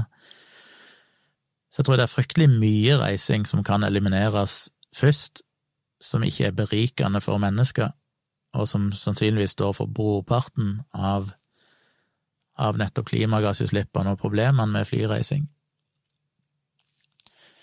Og så er det jo den bieffekten at hvis du faktisk hadde fjerna alle de firmareisene, så vil jo sannsynligvis flyselskapene måtte skru opp prisene ganske kraftig for å i det hele tatt klare å overleve, og da vil det jo bli mindre mulig for den jevne person å reise òg. Så den, eh, de tre sydenturene i året, de blir kanskje naturlig redusert til én i året eller én annethvert år, eller noe sånt. Så det er kanskje indirekte positive effekter, selv om det er litt sånn selvfølgelig sosialt urettferdig, at det vil jo ramme de som har minst muligheter til å reise mest, så jeg vet ikke hvordan en løser det problemet. Alt er så komplisert. Men jeg savner reising, ja. Baconduck skriver bruker Mosh deilig med SSH over UDP jeg burde som sagt ha tatt i bruk noe sånt, men jeg har liksom aldri gidda gjort det, og så angrer jeg hver gang jeg mister connection når jeg er midt oppi noe. Så tenker jeg fuck, nå må jeg ta meg sammen, og så Det har ikke kosta meg mer enn en halvtime og satt meg inn i det og fått det opp og gå, men jeg gjør det jo aldri.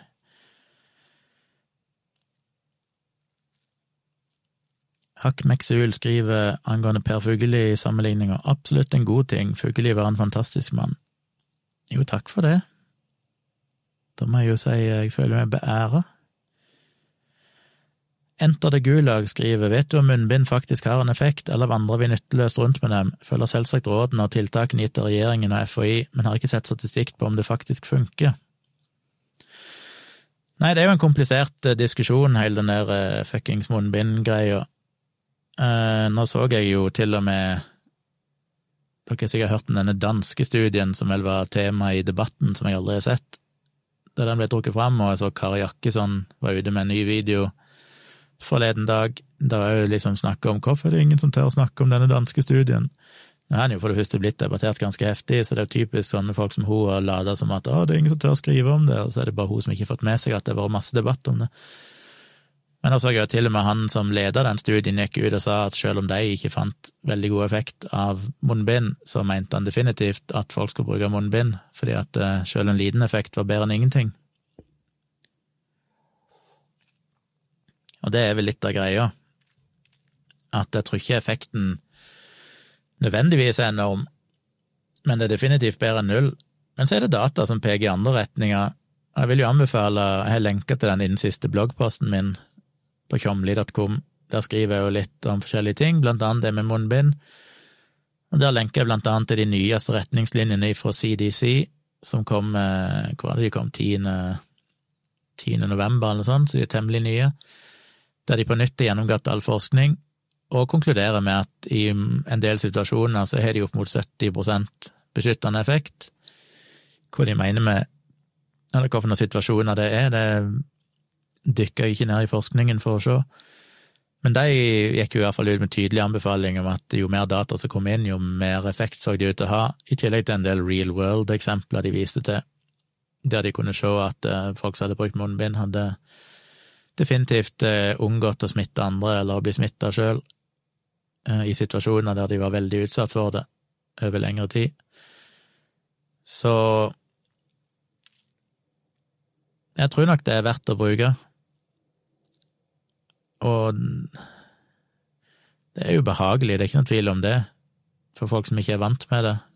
Men eh, jeg vil jo si det er vesentlig mer ubehagelig hvis en skulle bli smitta og få covid-19 i en eller annen noenlunde alvorlig form. Og det å være sjuk generelt sett er ikke noe gøy, selv om du er mildt sjuk, så da tåler jeg heller munnbind. God morgen, Vikram. Du har en verre døgnrytme enn meg, tror jeg. Anomi skriver IOS håndterer VPN annerledes enn Android, tror jeg. Virker som om den faller ut her og der, spesielt når skjermen skrus av. Har ikke funnet noen innstillinger relatert til det heller. Eh, ja, fortsetter med Android gjorde det mulig å stenge all internettforbindelse så snart VPN mister forbindelse. Ja, det gjør han hos meg med ExpressVPN. Den er jo sånn både på Mac-en og iPhone, den innstillingen du kan sette da, men den er vel på som default.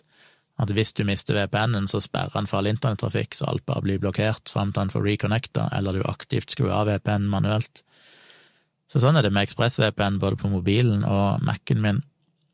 Og jeg har aldri opplevd at VPN-en skru seg av selv om eh, iPhonen sin skjerm går av. Jeg har aldri noensinne oppdaga at når jeg skrur på mobilen, eller sveiper opp for å liksom låse den opp, at den ikke da er på VPN. Det har aldri skjedd. Så den er på hele tida. Så det kommer kanskje an på eh, du bruker, men igjen, ExpressVPN, veldig bra. Det er dønn stabilt sånn sett.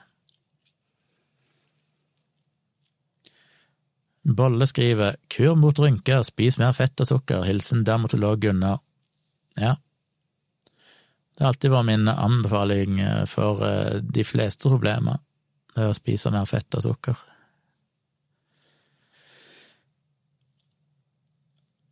Bolle skriver 'Der vil Teams ta over, foredrag blir på nett fremover'. Ja, det tror jeg òg, og det er jo en av de virkelig positive tingene som jeg òg vel nevnte tidligere i Dialogisk en gang, men det føles som at pandemien har ført til en form for demokratisering, har jeg vel kalt det, selv om det er egentlig helt feil ord. Eh, hva er det egentlig jeg mener? Jeg mener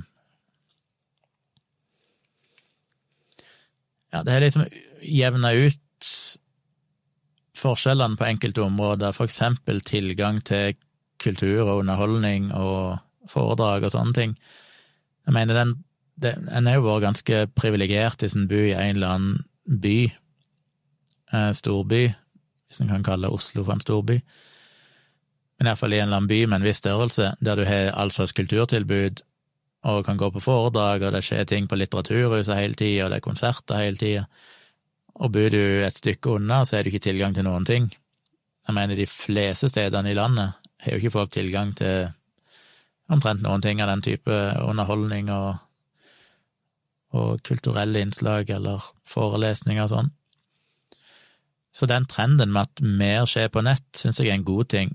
Det gjør plutselig at du, uansett hvor du bor hen, så har du tilgang på sånne ting. Og eh, i framtida vil det kanskje føre til en god distriktspolitikk, da, i det minste. Det senker jo litt det der eh, behovet for å måtte bo sentralt, spesielt når du kanskje går mer over i fjernundervisning og sånn òg, at du òg kan utdanne deg uten å måtte gå på et av de store universitetene eller høyskolene, som jo i noen fag har vært mulig til en viss grad, men at det blir enda mer tilgjengelig nå. Så jeg må si jeg er veldig sans for det, at pandemien har tvunget fram at folk og utdanningsinstitusjoner og konserthaller og alt mulig sånn har måttet investere og tilrettelegge for streaming, som jo vil bli, bestå i framtida. Eh, når de først har investert i det utstyret, så er det jo der og kan brukes.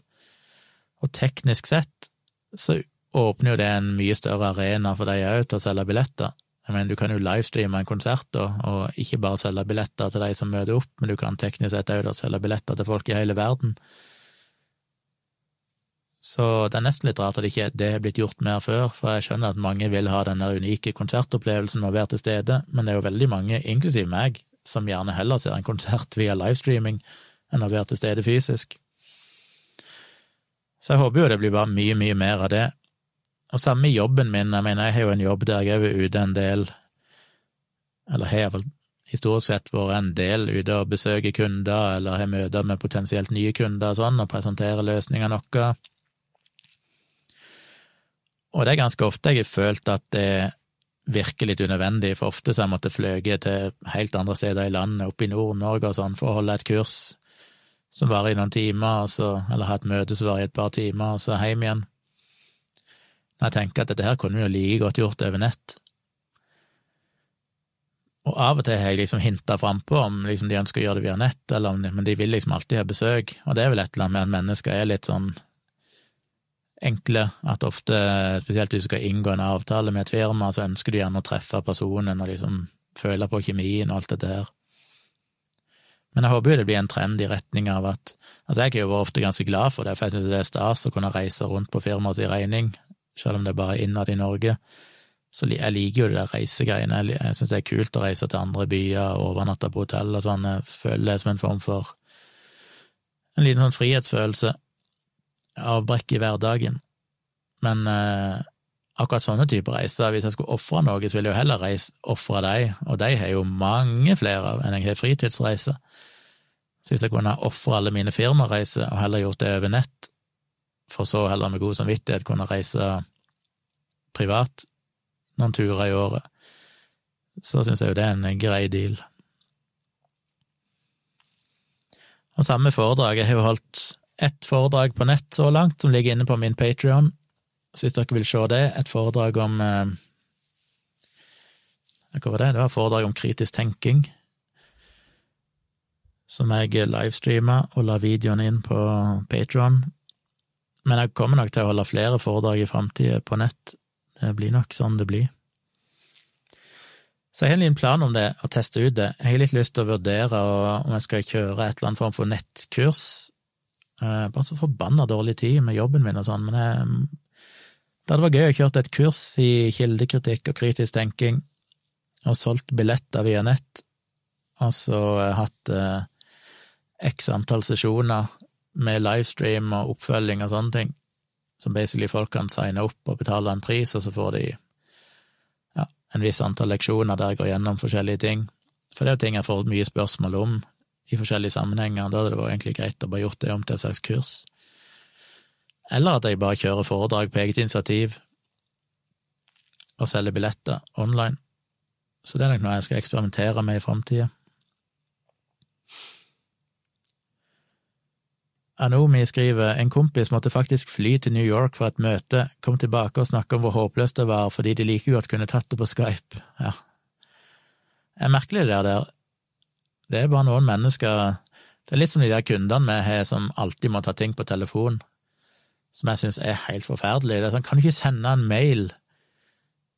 Det er en fordel for alle parter, for nesten i hvert eneste tilfelle så er det ting jeg trenger tid til å sjekke opp uansett, jeg kan ikke svare dem på telefon. Hvis jeg sender en mail, så får jeg tid til å researche og finne ut av det, og så sende et skikkelig svar. Men det er noen av den gamle skolen som alltid skal ta denne telefonen og snakke med deg, som både binder opp tida mi helt unødvendig på et tidspunkt der jeg ikke nødvendigvis har tid til å prioritere det, pluss at jeg neppe kan gi dem noe god hjelp og ende opp med å måtte svare dem på mail uansett. Og sånn er det litt med møter òg, det er enkelte folk, litt av den gamle skolen, som liksom de må treffe folk fysisk, og det skjønner jeg ikke.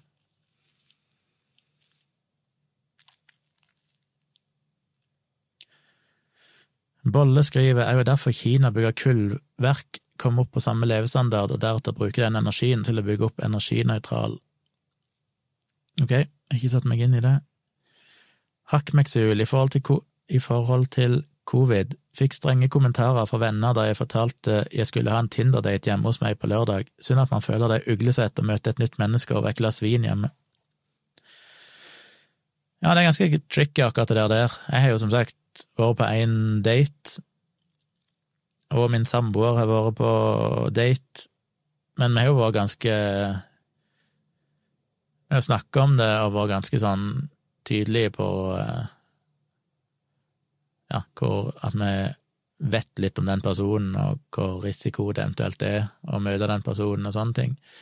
Det er jo selvfølgelig til en viss grad å lure seg sjøl, for du kan jo aldri vite noen ting med sikkerhet, men men igjen så må en sette det inn i litt sånn forhold. Jeg bare tenker på hvor stor del av samfunnet som fortsatt treffer folk hele tida i forbindelse med jobb og alt mulig sånn, og jeg basically sitter inne her og har ikke truffet et nytt menneske på ukevis. Og hvis jeg da treffer én person, så sitter jeg og går i tenkeboksen og liksom vurderer er dette trygt og alt mulig sånn. I det store bildet så er jo selvfølgelig jeg i en ekstremt låg risiko sammenlignet med folk flest. Ikke at det selvfølgelig egentlig er noen unnskyldning, men det går jo stort sett greit med de fleste, så jeg må liksom ikke ta det helt for Må ikke bli for um, rabiat heller, tenker jeg. Det har jo òg litt med dette her med Litt med livskvalitet og sånn å gjøre òg, som tross alt er viktig. Så jeg syns du skal ha den Tinder-daten, eller skulle, skulle ha den Tinder-daten med god samvittighet. Bolle skriver hvor skal grensen da trekkes, fem Tinder-dater? Hvor vil din egen linje over personlig grense mot regel presses? Nei, det er jo sånne ting det ikke finnes noe fasitsvar på, men en må prøve å sette det inn i et eller annet perspektiv, og som sagt, for min egen del, jeg treffer ingen folk, altså jeg truffer én person, og så føler jeg meg skyldig for at jeg har gjort det, men i det store bildet så føler jeg jo allikevel at det er temmelig ansvarlig sammenlignet med folk flest. Så eh, en får vurdere det sjøl, men det er viktig at en tenker litt rundt det. Så lenge en har tenkt, tenkt seg om og gjort noen rasjonelle vurderinger, så føler jeg jo på en måte at ja, det er jo mer enn mange gjør.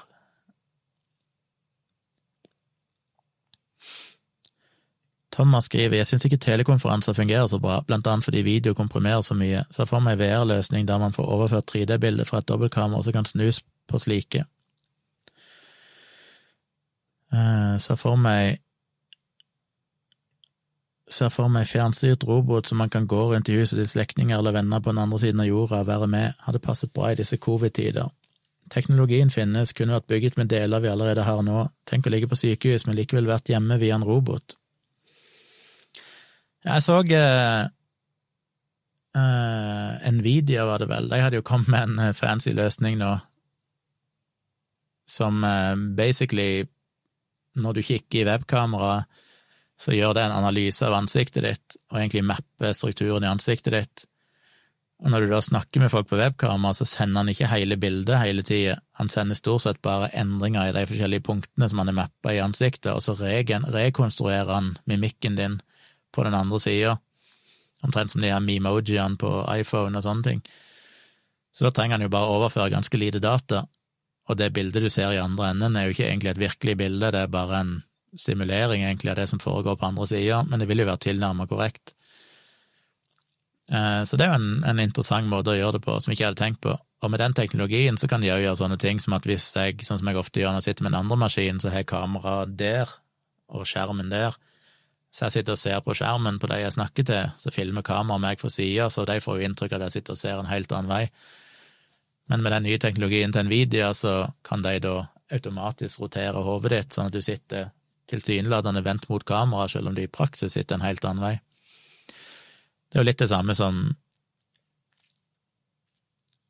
Apple har jo det på de nye Er det på FaceTime? Jeg har aldri testa det, men på FaceTime på Apple så har de vel bygd inn det nå. Jeg leste iallfall om det, men så har jeg glemt det helt vekk. Men der de basically kan gjøre sånn at For du har jo webkamera er oppe på toppen av skjermen, men du ser gjerne litt unna, for du ser på bilder av de folkene, men da kan de ta pupillene dine og vri de oppover så det ser ut som du ser inn i kameraet, selv om du egentlig ser unna. Det er jo en litt sånn enklere versjon av det. Ulempen med den Nvidia-løsningen er at du må ha et en kraftig Nvidia-grafikkort i andre enden òg, så det funker bare hvis den andre parten òg har et eh, kraftig Nvidia-grafikkort, og sånn sett er det jo litt håpløst. Men i framtida vil jeg jo tro at det blir mer generelt, og kanskje på sikt kan løses i clouden, at det prosesseres i clouden eh, på et eller annet vis. Så det er mange sånne ting på gang. Og så spørs det jo hvor komfortabel en egentlig er med det, da. At du egentlig ikke ser et reelt bilde lenger, men bare en virtuell representasjon. Og så kan en gå inn i mange filosofiske diskusjoner om det egentlig er noen forskjell, når alt kommer til alt. Men eh, når det gjelder video å komprimere så mye, så har ikke jeg egentlig sett så mye på det sett problem Ikke at jeg har vært i noe særlig telekonferanser med mange folk, men stort sett er det jo bare at det er for dårlig webkamera. Så folk får alltid sjokk når jeg sitter i en konferanse med noen og sitter med et profesjonelt eh, kamera her og lyssetting og alt mulig, og så er jeg så godt bilde, mens alle de andre er sånn skikkelig crappy bilde, for de bruker det innebygde webkameraet. Så jeg håper jo hele covid-situasjonen kan være et insentiv for mange produsenter av datamaskiner til å bygge inn litt bedre kamera. Ikke minst Apple, som burde skamme seg over å ha de der crappy 720P-kameraene når de tross alt har et fantastisk kamera i disse devicene her, i iPhonene, som jeg ikke kan fatte at de ikke kan putte det inn i Mac-ene. Det er liksom på høy tid. Hakkmeksul skriver er begge symptomfrie, ikke i risikogruppe, så føler vi må kunne dele et glass vin og bli kjent hjemme hos en av to. Om det skulle bli klining og så videre, so be it. Ja, det har vært litt eh, covid det må jeg si. Så lenge risikoen tross alt er liten fortsatt, eh, og ingen er i risikogruppe og alt dette her, så er jo selvfølgelig ikke risikoen null. Men det er ofte vi har internt, internt her i heimen har diskutert, er jo at hadde det vært en klar tidshorisont, at dette var noe du måtte holde ut i to eller tre måneder til, så hadde det vært lettere å sagt ok, vi treffer ingen. Problemet er jo bare det at sannsynligvis så vil vi ha denne situasjonen her fram til iallfall neste sommer, kanskje neste høst, og det er liksom grenser for hvor lenge det skal gå. Så jeg tenker jo at eh, på et eller annet tidspunkt så må en jo ta noen sånne valg, så lenge de er veloverveide og ikke går over styr, så kan en på en måte ikke isolere seg helt, for det Går du på butikken, så kan du like godt bli smitta der, liksom. Og det får en jo mye mindre glede av, som regel. Anomi skriver By the way, se om dere får annonsert den nye podkasten i Hold det skummelt på Facebook. Ser at gruppa allerede drives av moderne media, med True Crime-poden etc. Nå ja, det hadde ikke fått med meg. Da burde jo moderne media pushe den. Prøve å huske det. Bolle skriver er vel over enhver tvil ei maske dekka munn og nese hindrer spredning og smitte inn, men når tester men når tester og er om hvor mange i en gruppe som blir håndtert resultater fra maske og ikke. En litt uforståelig setning.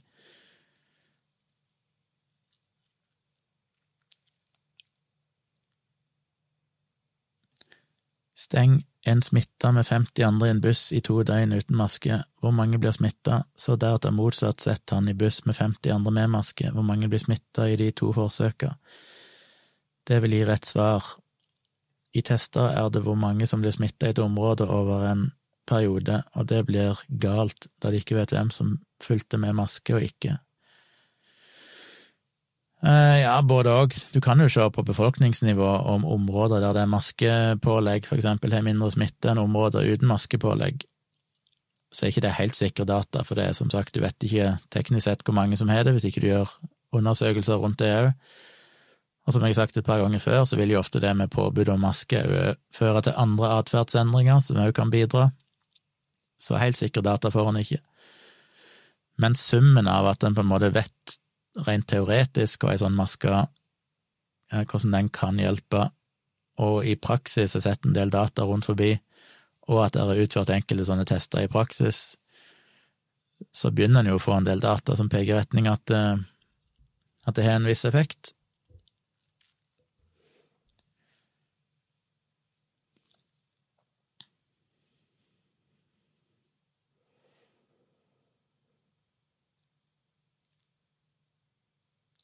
Glenn Ronage skriver streaming kan ikke måle seg til live klassisk konsert. Nei, selvfølgelig, live eh, opplevelser er jo noe ved seg, og enkle ting vil jeg nok kanskje ha sett live, men en kan jo tenke seg at du har et spekter av ting du ønsker å se, der noe er veldig, veldig viktig, og andre ting er litt mer sånn kjekt å få med seg. Og mengden ting som det kan være kjekt å få med seg, er som regel mye større enn andelen ting som du liksom absolutt må gå på. Så hvis du i tillegg til det du absolutt må gå på, som du kanskje møter opp live på, i tillegg da kan få med deg alt som er kjekt å få med seg, på en mye enklere måte, så vil en jo i sum få det beste av begge verdener, pluss at det er veldig mange, tross alt, som ikke har muligheten til å reise på klassiske konserter og sånne ting. Enten på grunn av eh, helsetilstand eller geografisk bosted eller økonomi eller mye forskjellig. Så du åpner jo opp denne verdenen for ganske mange flere, så kan de som er privilegerte, fortsatt gå i på konserthus og operahus, og så kan eh, veldig mange andre nyte det hjemme fra stua si. Det ene utelukker ikke, andre, ikke det andre. Bolle skriver, men hakk Meksul angående Tinder-dating. Hvor skal grensen trekkes? Vi som individ er ikke kompatible i en stor gruppe til å følge det om valget er fritt. Da vil én gi faen, da blir det to treff, deretter tre treff. Ja, teknisk sett er jeg jo enig, altså det er jo viktig at vi alle drar lasset sammen, men igjen, som jeg sier, en er jo nødt til å vurdere risiko opp mot hverandre. Hvis du tar en rasjonell vurdering av det, en, en gjennomtenkt vurdering uh, Jeg vet ikke hvorfor det minner meg om, men det minner meg litt om uh, Jeg kan ikke si akkurat det samme nå, men i ti år så bodde jeg på Tøyen, hadde en ganske liten leilighet oppvarma med fjernvarme. Jeg har ett barn jeg har ingen bil. Eh, klimaavtrykket mitt var veldig, veldig lite. Eneste som dro opp, var som sagt jobbreisinger primært. Men sånn pri privat så dro det jo ned veldig lite. Så bidro jeg med veldig lite. Men jeg var ikke så god på å kildesortere. Og da føles det jo som at du er et miljøsvin, at du er en klimafiende. Men hvis en begynner å tenke seg om, så ser en jo at shit, de fleste valgene jeg har tatt i livet mitt, gjør at jeg er veldig klimavennlig, og det om jeg da ikke kildesorterte, bidrar jeg jo forferdelig lite i det store bildet. Mens det er nok av folk som har et svært hus med tre unger, to biler, ei hytte eller feriehus, eh, ja, mange kilder til miljøutslipp, men som er veldig flinke på å kildesortere, og de føles jo som at de er veldig miljøvennlige og får ofte mye sånn moralske, en slags moralsk høyverdighet i samfunnet, selv om de etter alle målestokker er tusen ganger verre enn meg. Og det er litt sånn med, med pandemien òg, at det at jeg går ut og treffer en person, kan virke feil, men hvis en ser på det store bildet, der jeg har en jobb, jeg sitter hjemme hele dagen, ikke har noen sosial omgang utover det, eh, stort sett bestiller varer via kolonial.no, så jeg ikke engang går i butikken, Altså, alt det andre gjør jo at jeg minimaliserer risikoen så mye at om jeg gjenger på én date, så har jo jeg fortsatt egentlig oppført meg ekstremt mye mer ansvarlig, ikke fordi jeg er bedre enn andre, men fordi jeg ikke har muligheten til det, fordi jeg er heldig nok til å ha hjemmekontor og ha en jobb og sånn, der jeg har mulighet for det. Eh, jeg har ikke noen barn som springer inn og ut av leiligheten, som er på skolen og treffer andre, men de fleste i landet har jo folk som treffer andre, som er inn og ut av huset hele tida, enten det er skole eller jobb, og indirekte eksponerer seg for smitte 24-7. Så jeg tenker jo litt avhengig av hvem du er og livsstilen din, så må en jo vurdere det opp i den konteksten. Og hvis en begynner å se på liksom at å, han traff en annen, det er feil, uten å se på ja, men resten av livet, hvordan er det? Hvor mye folk treffer denne personen ellers, sammenlignet med deg, for eksempel, som kanskje er moralsk fordømmende. Hvis du for eksempel har en jobb der du treffer andre folk, eller ja, gjør andre ting der du treffer andre mennesker, eller har unger i huset som springer inn og ut og treffer andre på skolen, så er jo du uansett teknisk sett mye verre enn den ene personen som lever ganske alene og kanskje går på en date. Så jeg vet ikke hvordan noen av dere har det, men jeg bare snakker for min egen del, så vet jeg at om jeg går på en date, så er jeg fortsatt vesentlig mer ansvarlig sånn sett i forhold til smittespredning enn det jeg vil tippe de aller fleste nordmenn har mulighet til å være, fordi mange ikke er så heldige som meg at de kan leve et ganske sikkert liv i disse covid-tidene. Glenn Runash skriver kan hende jeg har kresne ører, men ingen høyttaler eller hodetelefoner kan måle seg med akustikken man får live. Nei, det er mulig det med en klassisk konsert. Jeg er som sagt ikke noen sånn stor, eh, ikke noen stor klassisk fan, og har aldri vært på en klassisk konsert. Så det er kanskje Det er jo ofte litt annerledes, for da er du gjerne i egne lokaler som er bygd akkurat for den musikken og sånne ting. Men jeg må jo si de aller fleste rockekonserter eller sånn jeg har vært på, så får jeg jo bedre lyd hjemme enn det jeg gjør av å være på en konsert. Det er stort sett eh, suboptimal lyd på de fleste plassene. Det er en og annen gang jeg har vært på en konsert og tenker shit, her var det god lyd, men på det meste av sånn populærmusikk så føler jeg jo lydkvaliteten ikke nødvendigvis er noe å skryte av. Selvfølgelig så er det jo noe eget med det trøkket du får og alt dette her, og det kan være greit av og til, men ofte så syns jeg det er mer behagelig å bare ha muligheten til å slenge i sofaen og se en konsert på TV.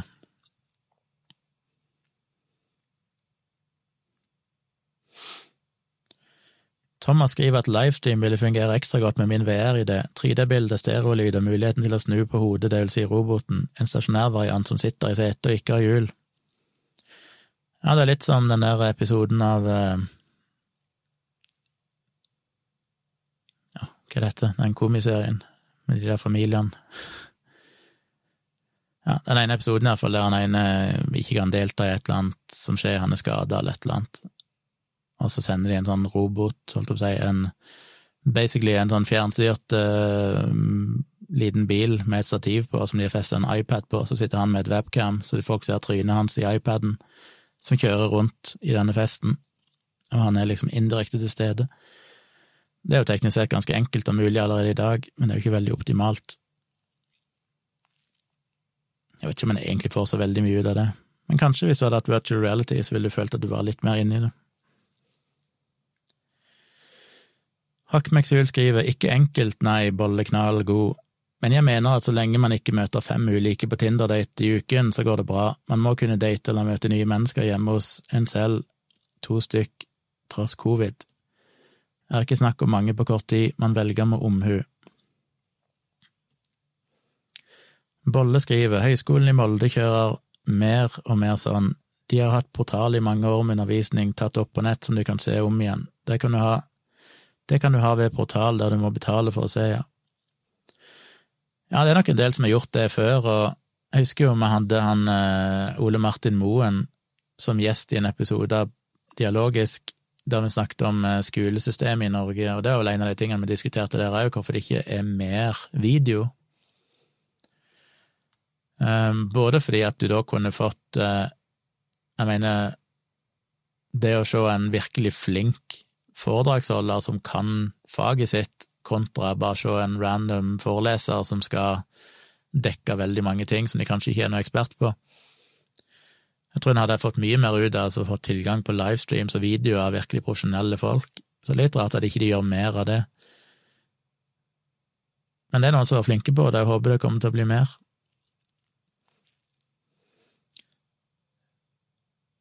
Thomas skriver det er litt forskjell på å dra på fest med 20 stykker og å møte én utvalgt en gang i uka eller annenhver uke. Husk festen på Gamla. Hakk Meksul skriver takk, Gunnar, det varmer. Kloke ord. Skal prøve å få en koselig kveld i morgen. Nei, det var i morgen, jeg trodde det var forrige lørdag, men ja. Bra. Uh, Anomi skriver killswitch-funksjonen i appene, da snakker vi vel om VPN, funker så som så, har ikke hatt noen store problemer med VPN på iPhone, men er veldig lite trygg på at forbindelsen ikke lekker på noe selvs tidspunkt på IOS. Ja, det går vel an å teste det, det er jo diverse nettsider som du kan gå inn på og sjekke om det lekker noe data, men uh, det er jo akkurat når du tester. Hvordan det er kontinuerlig, er jo en annen sak. Men jeg vil, ja ja, jeg tør ikke si nok om det. Jeg er mer opptatt egentlig av uh, Mac-en min. Det er ikke IOS, altså mobilenheten, der skjer jo ting via apper, og det er ikke så mye Det gjør jo det meste kryptert uansett, enten det er via HTTPS eller en eller annen kryptert mailtjeneste eller noe sånt, men jeg vet ikke. Jeg har ikke sett noen analyse av det.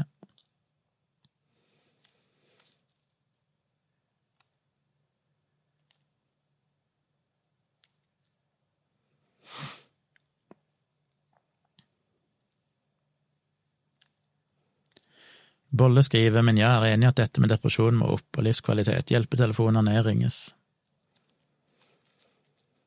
Ja, det er noe med det. Jeg holdt på å si, det, en ting jeg kan gjøre, er å kjøre livestreams.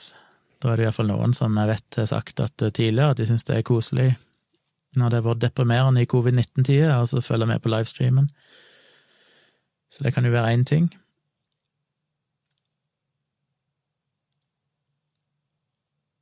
Uh, ja, det har kommet mye meldinger her, jeg bare scroller litt nedover. Hakk Meksul skriver syns det var rart brødmaskinen står på min lokale Coop Mega fortsatt, tenkte det var en smittestasjon de luxe, spesielt nå som det er mye smitte i Oslo. Ingen antibac ved siden av brødmaskinen heller, oh well. Um, ja, det var noe av det første jeg reagerte på, husker jeg, etter pandemien og alt det her kom. Så inne på Oslo S så har de jo en eh, Burger King, og der har de jo for ikke så altfor lenge siden så installerte de jo sånne sånn selvbetjening, alt si, der du bare bestiller via skjermer, du trykker på hva du skal ha, og så venter du bare på å få det utlevert. Og det tenkte jeg jo var helt fascinerende idiotisk i disse tidene. Nå har de riktignok antibac og sånn tilgjengelig, men jeg tenker det må jo være smittespreder de luxe å sitte og tafse på de der skjermene som 10 000 andre tafser på i løpet av en dag. Det skal ikke så mange til som ikke gidder å bruke antibac til, for det er en risiko, og ikke minst at de da like etterpå går og tafser på burgeren som de stapper i kjeften.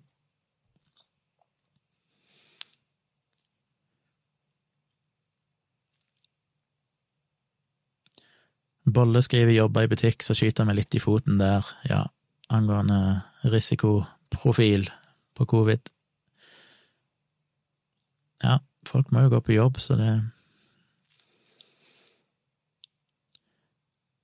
Hakkmeksul skriver herlig eksempel med familien og kildesortering, har hjemmekontor slash semipermittert, så jeg møter sjelden nye folk, som jeg drar på én eller tre Tinder-dater i uken, går det nok greit. Ja, ikke for mange, da. Tre i uka er litt overkant.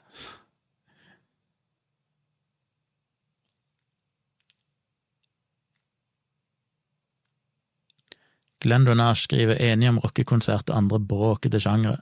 Det gjelder vel eh, lydkvalitet, holdt jeg på å si, lyd eh, ja, på konserter. En av de gangene jeg virkelig har vært mindblown av god lyd, det var for en eh, fire år siden, eller sånn, fire-fem år siden, så var jeg på Nine Inch Nails-konsert i Oslo Spektrum. Og Oslo Spektrum er vel notorisk kjent for å ha dårlig lyd. Men akkurat den konserten der, så bare satt lyden som ei kule, altså. For det første var det en helt fantastisk bra konsert, bare generelt sett. Men uh, fuck, altså, da var lyden god. Da storkoste jeg meg. Og ikke minst så hadde vi sitteplasser. Jeg er såpass gammel at jeg, hvis jeg skal på konsert, vil jeg helst sitte. For hvis jeg må stå der i to-tre timer, så synes jeg bare det er slitsomt, og det ødelegger halve konserten for meg.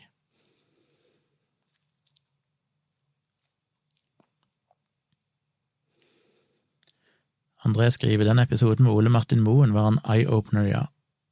Jeg husker ikke så mye av han, helt ærlig, men jeg husker vi snakket blant annet om eh, det og humanistskolen. Bolle har blitt Twitch-avhengig her i denne perioden. Ja, det er mye streaming rundt forbi. Hakkmeksul skriver Telenor Arena og Spektrum er krise, ja. Fleste faktisk gode konserter jeg har vært på, har vært på John D eller Rockefeller. I forhold til lyd, that.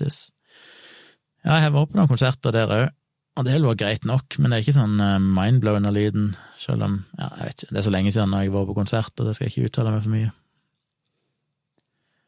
André skriver Midnight Oil for to–tre år siden på Rockefeller hadde beste livelyden jeg har opplevd. Jøss, yes, holder de på fortsatt?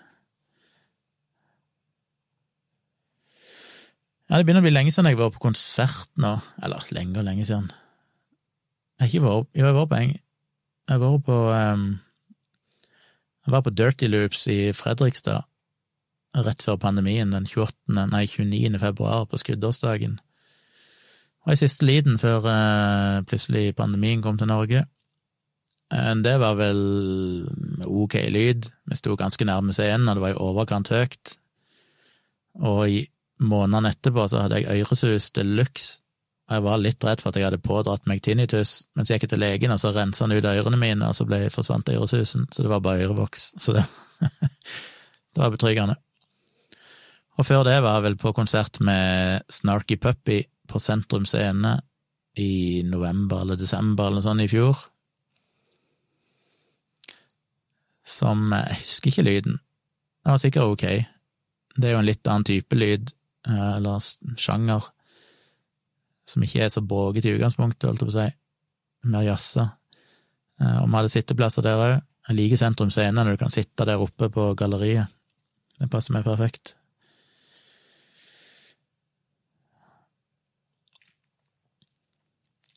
André skriver de spilte 120 ulike låter på den turneen.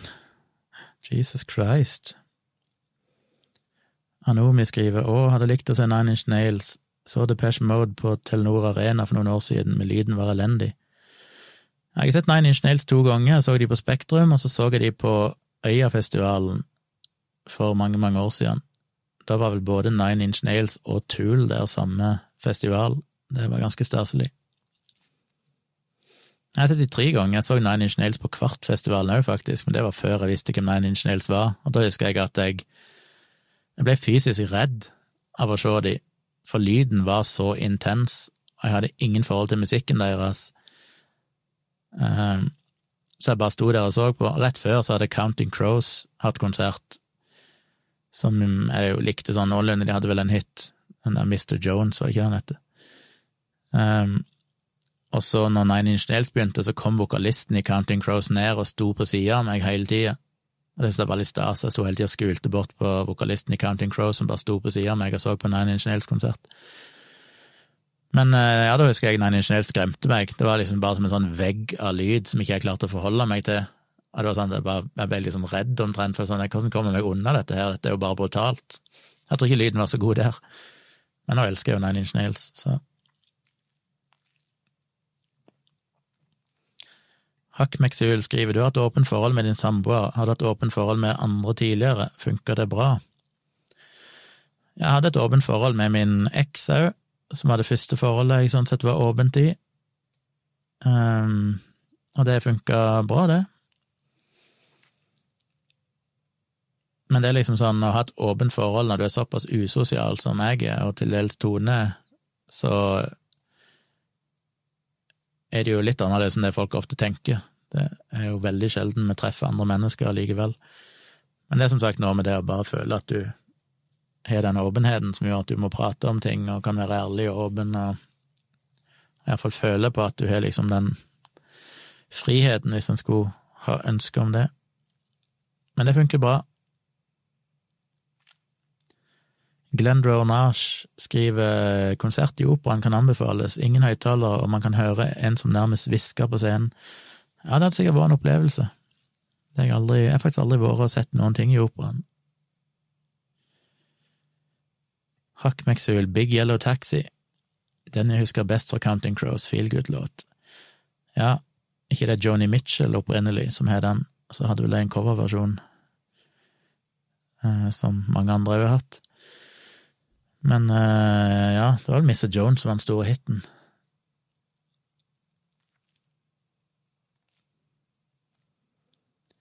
Anomi skriver 'veldig glad i With Teeth' av Nine Inch Nails, da, men det er sikkert litt fordi det var den første Nine Inch Nails-plata jeg hørte i sin helhet. Det første jeg virkelig hørte, det var vel det der dobbeltalbumet uh, Hva er det heter? Er det Downward Spiral, eller var det albumet før? Ja, det er iallfall et dobbeltalbum som jeg bare var helt hekta på, og hørte på 24-7. Altså, jeg har hørt en del på andre ting òg, men det er ganske lenge siden jeg har hørt så mye på Nine Inch Nails.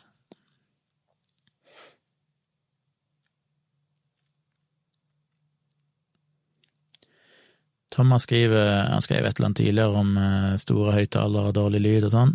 Så skriver han når jeg tenker meg om er lydhastigheten det som begrenser. Store lokaler og store høyttalere gjør at lyden reflekteres ikke når ørene på samme tid. Trenger crispy lyd for ikke å bli sliten. Ja, teknisk sett, men det kompenserer de ofte med med å ha flere høyttalere i rommet. Og det er mye psykologi der, alt opp, måten hjernen oppfatter lyd på. Det betyr at du kan ha relativt små høyttalere som sender ut lyd som er mer i synk med scenen, og så vil du oppleve all lyden som i synk, selv om hovedhøyttaleren kanskje egentlig teknisk sett ikke er helt i synk.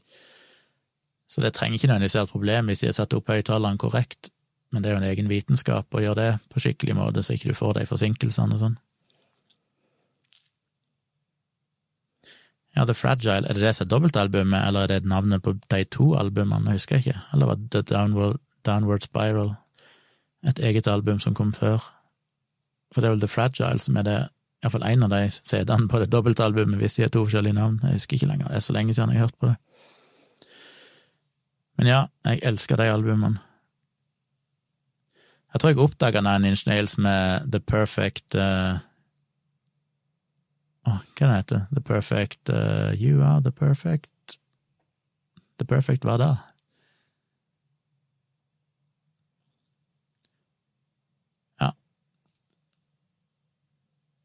Downward spiral er dobbel. Ja, sånn det var. Ok.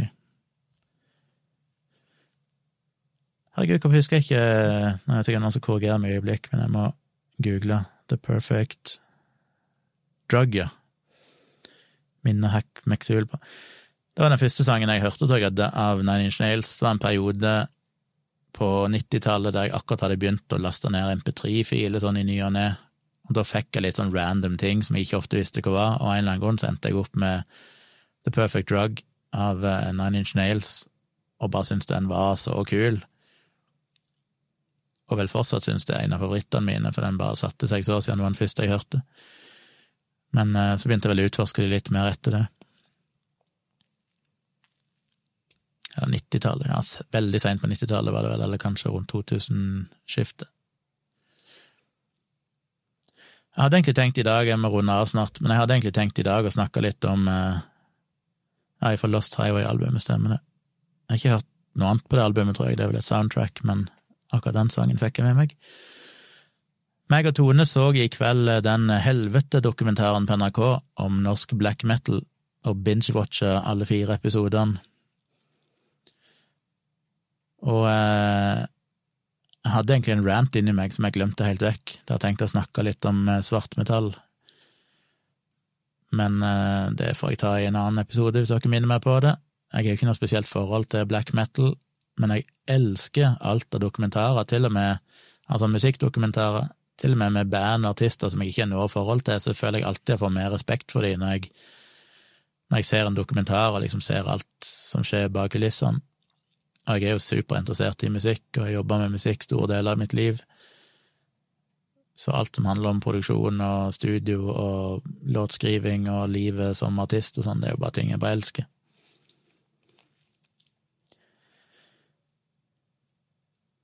Hakkmeksul skriver du får fortelle hvordan din date gikk under, om du ønsker. Eh, ja, jeg traff eh, henne to ganger. Ei italiensk dame som flytta til Norge for ikke så mange måneder siden. Det høres jo risky ut, midt i pandemien, så flytter hun til Norge når Italia er så jævlig. Men nei, hun hadde ikke bodd i Italia på en stund, hun hadde bodd i England en stund, så hun kommer litt fra England og eh, jobber på universitetet. Veldig akademisk, oppegående person som har reist rundt i hele verden med det hun driver med. Var mye i India og Afrika, eller Asia og Afrika, forskjellige. Så interessant person. Så jeg begynte, møttes først og tok et, eh, en kaffe på et eh, utested. Eh, ikke sånn crowded utested, men et veldig rolig utested der vi satt i god avstand ifra folk. Og vi klemte ikke eller noen ting. Jo, vi klemte faktisk når vi gikk, for da hadde vi så god kjemi at vi tenkte fuck it, vi må gi hverandre en klem. Men jeg er, og det vet jeg jo til viss grad jeg lurer seg sjøl, men jeg er jo så ekstrem når jeg går ute blant folk, for jeg er sånn som koordinerer pusten min med menneskene rundt meg. Så når jeg går ute her og skal til butikken, eller sånn, hvis jeg passerer mennesker, så holder jeg alltid pusten. Eh, jeg timer alltid sånn at jeg trekker inn pusten rett før jeg møter dem, for jeg vet jo at eventuelle basiller må være bak dem siden de går mot meg. Så litt før jeg møter dem, så på en måte holder jeg pusten, og så venter jeg med å puste igjen til jeg har passert dem en del meter. Og sånn går jeg hele tida. Så når jeg er i byen og sånn, så går jeg og puster helt sånn Ja, helt avhengig av folk rundt meg. Og sånn var det sånn som med hun òg. Hvis jeg gir henne en klem, så holder jeg jo pusten, og liksom vende hodet litt vekk, så det er kanskje ikke den varmeste, varmeste klemmen, men Men så møttes vi igjen. Da inviterte hun meg hjem til seg i sin lille hybel, en lille leilighet, jeg vil rettere sagt, og um, da ble det vel litt mer intimitet, som var hyggelig. Så uh, ikke hatt så mye kontakt etterpå, eller vi har litt kontakt, og vi skal vel treffes igjen sikkert, men jeg var så forbanna busy med alt mulig, så jeg liksom ikke var så flink til å følge det opp. Men det var en hyggelig date, ei interessant eh, dame som var veldig italiensk. Jeg syns det er gøy med folk som er veldig annerledes. Veldig sånn gestikulert og engasjert og at du bare føler at det nesten er parodien på en italiener når hun står og prater med hendene sine og sånn. Morsomt.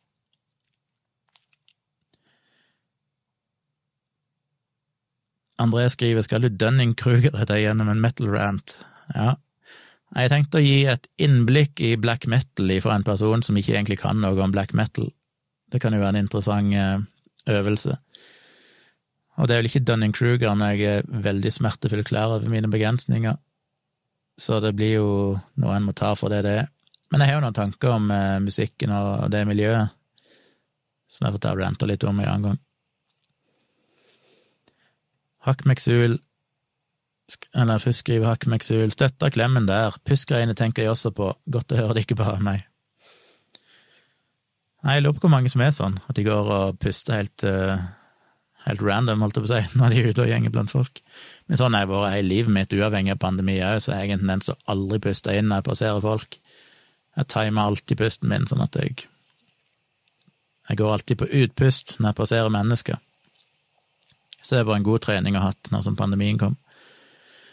Hakmeksul skriver Du har sett den Metal Headbangers Journey-dokumentaren? Nei. De prater en del med gutta i det norske black metal-bandet Mayhem der. Ja, i den eh, nye dokumentaren på NRK så er det jo selvfølgelig veldig mye Oi, blir det dårlig bilde på meg nå? Jeg fikk en melding her om at kvaliteten er blitt sagt, satt ned fordi internetthastigheten min ikke holder vann. Det betyr kanskje jeg begynner begynne å runde av. Jeg batteri. Det er noe galt med ladinga her. Jeg tror jeg er for liten lader kobla til Mac-en her, for selv om strømmen står kobla i så tappes batteriet. Så da kan det gå galt plutselig. Uh,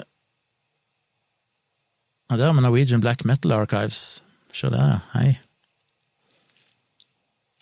Du får jo uh, opplyse meg mer neste gang vi skal snakke om uh, black metal her.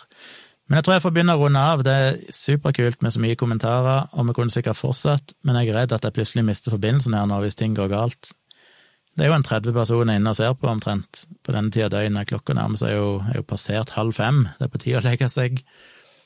Det ble to og en halv time denne gangen òg, omtrent, gjorde det ikke det? Eller når begynte jeg? Jeg husker ikke. Jo, to timer et kvarter, står det. Ja, husk å abonnere på kanalen, så får dere med dere neste gang jeg livestreamer. Skru på varslinga, så dere får varsling når jeg går live. Og hvis dere vil ha enda mer varsling, så kan dere bli Patrion, så får dere mail stort sett alltid når jeg livestreamer. Pluss at hvis dere går glipp av livestreamen, så kan dere eh, høre dette som podkast, hvis dere ønsker det. Og så finner dere jo foredragene mine, lydbøkene mine og diverse annet snacks inne på patronen min. Og ikke minst så er det jo litt betaling for den tida jeg bruker her. Hvis dere støtter meg på Patron, så får jeg litt igjen for å sitte her og livestreame og gjøre masse greier.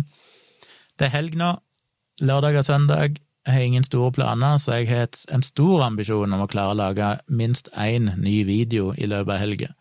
Så dere får krysse fingrene for meg og satse på at jeg får til det, at ikke det skjer noe kritisk på jobb eller noe sånt, så jeg plutselig ikke får gjort det jeg vil. Men takk for at dere så på. Superkult at dere følger med her og stiller mye bra spørsmål. En som spør hvilken mat jeg liker. Det er sånn vi får spare til neste gang, for å komme tilbake igjen på neste livestream og spørre meg på nytt. Og så håper jeg dere ser dere inne på Patron. God natt og ha ei god helg, så ses vi kanskje igjen i morgen kveld eller natt.